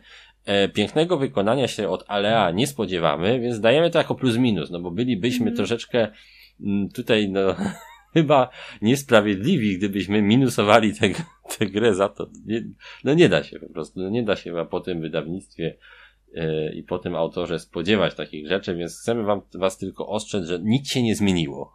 tylko tyle tutaj tymi plusami, minusami chcielibyśmy dodać. Dla mnie takim minusem, który faktycznie czasami może zako, zakolec, zakoleć, Zako, zaboleć, zaboleć, zaboleć, jest to, że zakalec, no trochę zakalec miejscami. E, jest to, że ta gra potrafi być losowa. Tak. Kiedy już gramy mhm. na takim poziomie, powiedzmy, wyrównanym, gdzie, gdzie gracze tam ogarniają już tą mechanikę, gdzie wiedzą, że trzeba wykorzystywać okazję, to jest tutaj bardzo dużo mm, elementów, które dochodzą losowo. No, kafelki są dystrybuowane losowo, ponieważ stosy, z których wykładamy kafelki, nowe kafelki, e, tych elementów posiadłości, czy włości naszych, są losowe. Nie wiemy jakie wyjdą i mogą zupełnie nie wyjść nam takie, które chcemy. No i niestety yy, przeciwnik, który będzie miał turę po nas, może nam podebrać kafelek, który się właśnie odsłonił, który bardzo czekaliśmy. To jest możliwe. Karty też dochodzą -hmm. losowo. Fakt, że dobieramy ich tutaj duże ilości, nie oznacza, e, czy liczby, nie oznacza, że e, w tych, e, przy, ty, przy, przy tym prawdopodobieństwie nam akurat dojdzie taka karta, której potrzebujemy. Może nie dojść, a przeciwnikowi może dojść i może mieć to trochę łatwiej. Więc y, trzeba brać poprawkę na to, że karty bywają losowe, karty nagród, y, takie z osiołkami też bywają losowe i to taki dość niesprawiedliwie niefajny sposób, bo zdarza się, że ktoś dostanie zasób, albo na przykład dodatkową turę, a zdarza się, że dostaniesz bach dwa punkty i to takie mhm. te, te, te czerwone te punkty, czerwone. czyli te stałe punkty, które tak formalnie nie dają nic praktycznie. Albo ktoś dostanie jeden punkt czerwony, a druga osoba dostaje jeden punkt zielony, czyli no formalnie może, trzy punkty. Może to boleć, no. Jest to trochę irytujące i troszeczkę psuje mi ten ogólny obraz całości, natomiast nie sprawia to, że grało mi się w ten tytuł źle. No, Nawet mimo też. przegranych yy, podobał mi się ten tytuł, bo po prostu przyjemnie się w to grało. Ta gra jest na tyle krótka, że nie zdążysz się wkurzyć na to, że bywa czasem losowa, że wygląda jak wygląda, e, że może niespecjalnie jest złożona, bo regrywalności w tym jako takiej nie ma jakiejś dużej. Wszystko, co w tej grze da się zobaczyć, plus minus zobaczymy już w pierwszej tak. partii. Potem mhm. to jest tylko kwestia radzenia sobie z tym, z tą samą układanką yy, troszeczkę inaczej, bo w innej kolejności dochodzą na przykład kafelki.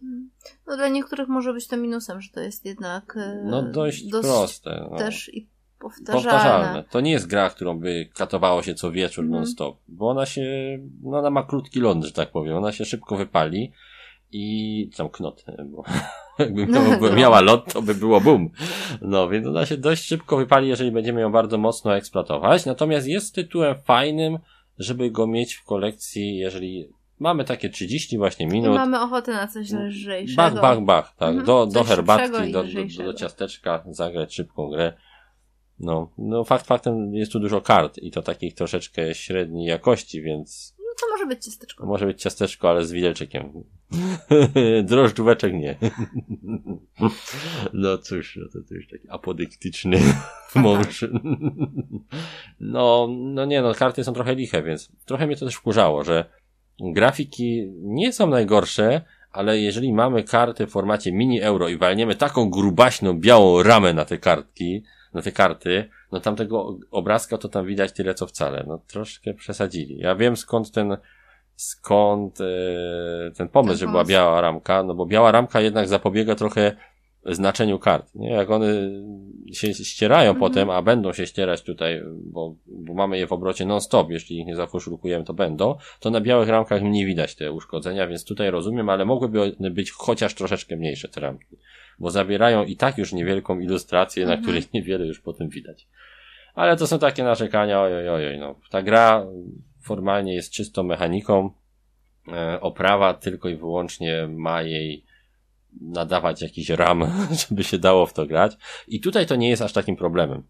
E, Tu dochodzimy do tego, co mówiliśmy też przy Pradze, że w zależności od tego, jak gra jest ciężka, to jej suchość i taka bardzo syntetyczność mniej lub bardziej może nas irytować. I tutaj irytuje nas mniej. No mniej dokładnie. przytłacza. O. Herbatka znowu. Ta gra jest prosta. Y, Ta gra, tak jak mówiliśmy, zajmuje 30 minut. Y, Poznanie zasad tej gry zajmuje 10 minut. Przypomnienie zasad sobie tej gry zajmuje 5 Pięć minut.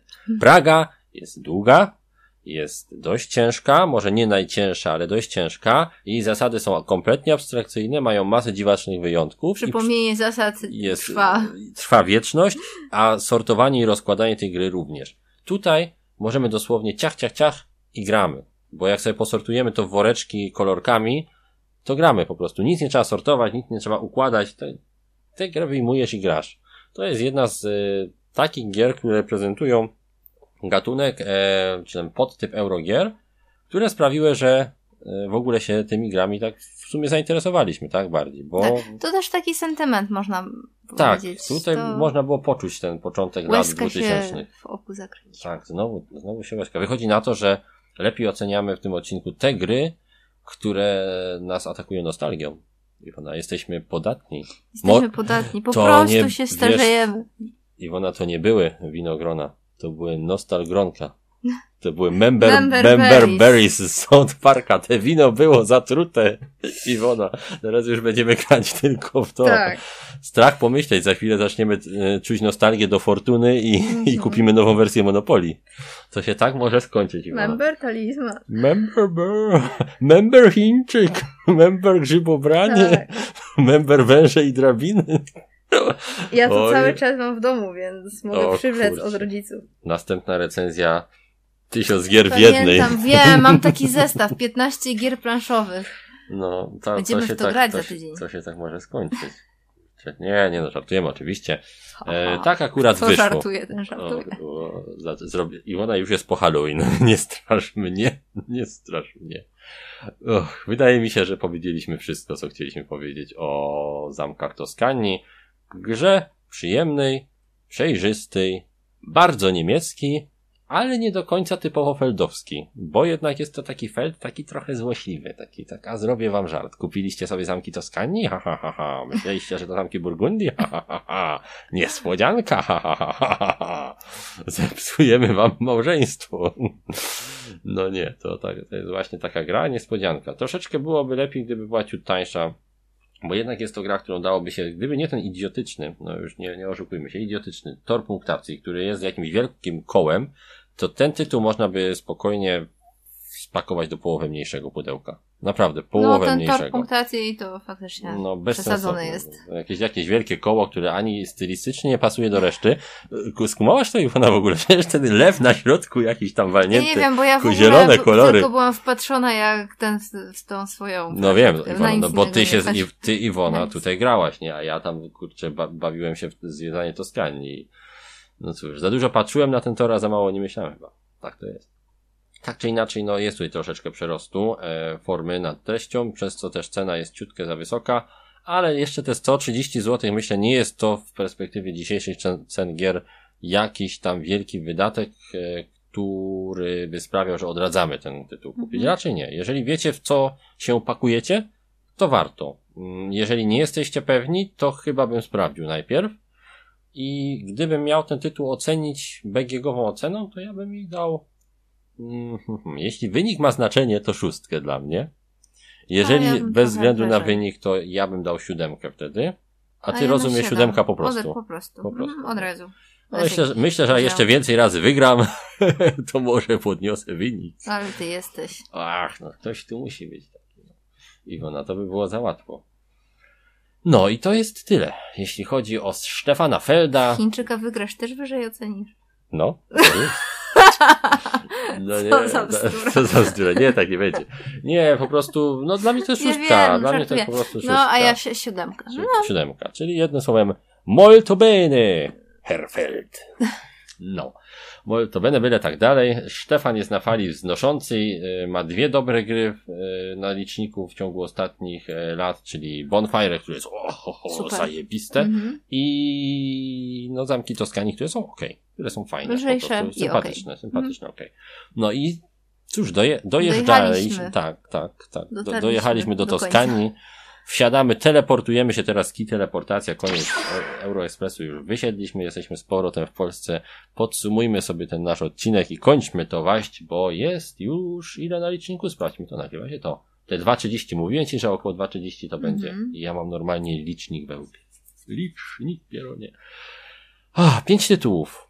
Pięć tytułów, e, pięć eurogier, 40 dni oczekiwania na pustyni planszowej na, bez nagrywania.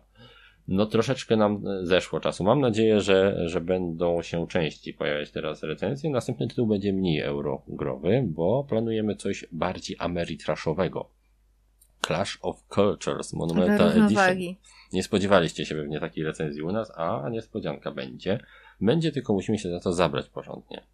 Na razie czeka. Na razie czeka, ale podsumowując jeszcze ten odcinek, no cóż, na pierwszym miejscu wśród tych czterech tytułów, które omawialiśmy, uklasowało się Glenmore. Bodajże z dziewiątką. 8 plus Osiem dziewiątka. i tak, były dwie oceny. Tak, były dwie oceny. Bardzo fajna gra, dużo modułów, coś dla fanów e, urozmaicania sobie kolejnych rozgrywek. Lub fanów e, Gier kafelkowych. gier, gier kafelkowych albo takich, że z nostalgią. Tak, do czegoś no chcą jeżeli wrócić. macie, jeżeli macie nostalgię do takich klasycznych e, Eurogier, to ta jest taka dość, no dość klasyczna. Jest to taki fajny, naturalny krok e, rozwinięcia przygody z grami kafelkowymi po Alhamrze, Carcassonne czy Wyspie Sky. Myślę, że zdecyd- zdecydowanie e, Glenmore może się spodobać e, takim właśnie graczom. Na drugim miejscu, jeżeli dobrze bym liczył, to wyszłoby, że mamy chyba Aquagarden. Mm, Tak. Mm, Troszkę na wyrost, bo jest to gra dość prosta i szczerze mówiąc w tym rankingu tytułów, które tutaj e, zrecenzowaliśmy, to może nie do końca przystaje do całej reszty tytułów, bo, bo jest taka najbardziej filerkowa, Mhm. można tak powiedzieć. Jest nawet prostsza, wydaje mi się, od, od zamków e, Toskanii. Natomiast daliśmy tą ocenę z racji tego, że poczuliśmy taką jakąś nieracjonalną sympatię. No to też nie chodzi do o to, żeby tytułu. robić jakieś topki od 1 do No nie, tu 5 chodzi czy tylko ogólnie. No, wiadomo, że te gry nie powinny być ze sobą porównywane, No. tak? Bo jedna gra powinna być oceniana w swojej kategorii, Mhm. a nie oceniana względem e, innej gry, bo to, to po prostu nie wytrzyma tego porównania, bo kategorie zupełnie oceniania Mhm. tych gier są inne, tak? Tak tylko referujemy dla, dla przypomnienia, co daliśmy. Było tam 8 albo 7, Siedem z 7 z plusem. plusem. Chyba 7 z plusem było, no, czyli będzie tak druga mniej więcej. Potem była Praga i Zamki Toskanii, które formalnie mają po siódemce u nas. E, No, ale e, Praga dołuje tutaj dla, dla mnie. Wyżej chyba zamki. No zamki, no bo tak jak mówię, ta Praga to jest gra na, mechanicznie dla mnie na taką solidną siódemkę, natomiast wrażenia takie czysto subiektywne z grania w tą grę i zwracania do niej to jest już bliżej szóstki, nie? Bliżej have funu było przy zamkach. Zdecydowanie tak, natomiast no trudno też nie docenić znowu umysłu i szalonych pomysłów pana Suchego, który potrafi mechanizmy tak pięknie połączyć, że tylko chyba on je umie później rozsupłać. Albo przynajmniej niech pisze lepsze instrukcje, bo, bo troszeczkę mu to nie wychodzi. No i stawkę e, zamyka e, chyba największe rozczarowanie tej naszej e, przerwy podcastowej, czyli Rivers od Midgard. Dawno nie graliśmy w tak Mhm. nudną grę. E, grę, która dostarczyła nam tak e, ambiwalentnych uczuć, bo z jednej strony no niby wszystko tam działa w miarę, ale rzeczy, które robimy są tak repetytywne i tak bezwysiłkowo do wszystkiego tam e, docieramy, że tak naprawdę poczucie jakiegokolwiek wyzwania, co dopiero klimatu łohoho, łupienia wikingami jest praktycznie niewykonalne w tej grze. Tak, jak już gram i czekam tylko kiedy koniec, kiedy No koniec, kiedy koniec, no to, to koniec. chyba nie o to chodzi, To nie? nie o to chodzi. Mhm. Więc y, tam polecaliśmy alternatywę dla takiego tytułu, którą chyba najbliższą taką alternatywą był dla mnie Marco Polo, gdzie gra, która dużo lepiej wykorzystuje kostki, a pozwala się też fajnie pobawić zasobami i specjalnymi umiejętnościami. Więc to była taka e, alternatywa na otarcie łez po, po Rivers of Midgard. No i to chyba będzie wszystko, tak? Czyli w ten oto sposób domykamy nasz e, kolejny e, odcinek o Eurograch. Kiedyś tam robiliśmy topkę, teraz zrobiliśmy taki przekrojowy materiał. Może znowu niebawem wrócimy do Eurogier. Zobaczymy. Zobaczymy. Na razie mamy, tak jak mówiłem, na Tapecie. horyzoncie tak, i kilka gier takich powiedziałbym logicznych, bo Nowa Luna i Kaliko czeka. Czeka, by pojawić się w drugim odcinku sezonu na kaczki, który będzie niedługo. To w sumie to teraz bliżej sezonu na, na Indyka ze świętem dziękczynienia. Spokojnie do końca roku się wyrobimy. Ale tak, mam, mam, mam taką szczerą nadzieję, że Tak. sezon na kaczki do końca roku się skończy, bo to jest zdecydowanie najdłuższy sezon, jaki znam. To jest jedyny sezon. Tak, to jest- widziałam. Ogólnie chodzi mi o sezony, Aha. na różne. Na misia, na kaczki, na żubra, na, na, na wszystko. No nie, na żubra sezonów nie ma. No i to będzie chyba wszystko, bo zaczynamy już znowu, e, że tak powiem, poziom głupoty zdecydowanie Jest przewyższa wysoki. poziom merytoryki. W tym momencie to oznacza, że czas kończyć powoli nasz przydługawy już materiał. Mamy nadzieję, że Wam się podobało. Jeśli macie jakieś pytania odnośnie tych gier, chcielibyście poznać może coś w nieco bardziej składnej formie, to nie wahajcie się pytać. Zawsze w komentarzach zazwyczaj na YouTube odpisujemy e, dokładnie na Wasze pytania, więc jeżeli chcecie dopytać jak, jakaś z tych gier działa w ile osób, czy się skaluje i tak dalej, zapytajcie. To wtedy Wam po prostu odpiszemy już, a ten materiał miał być taki może nieco mniej składny, ale za to e, taki troszkę wes- weselszy niż te odliczanie kolejnych Punktów. punktów recenzji. No i Dobrze. tym pozytywnym akcentem e, kończymy, Ekspres. Euro kończymy Express. Euroexpress, wysiadamy, rozpakowujemy bagaż doświadczeń i tym razem bierzemy się za nasze oczekiwania względem gier cywilizacyjnych i ameritraszowych, rozkładając gigantyczną, monumentalną edycję Clash of Cultures. Ale o Na tym naszym przymałym stole. na naszym przymałym stole, który dodatkowo jest zajęty również przez tonę komiksów. Więc o jak my to wszystko tam zmieścimy. Ale o tym będziemy mówić kiedy indziej, przy innej okazji. Miejmy nadzieję, że nie za 40 dni, tylko wcześniej. Mhm. No, i jak tak patrzę na naszą rozkładówkę, to kończymy. To do usłyszenia. Do usłyszenia, trzymajcie się, ciepło zdecydowanie, bo pogoda jest wietrzna i zimna, żebyście się też nie przeziębili, tak jak my. Właśnie. No. Bo wtedy 40 dni. 40 dni. Pozdrawiamy, Adam, I Iwona. czyli pełna Pełna para. para. Pa, pa. Pa, pa.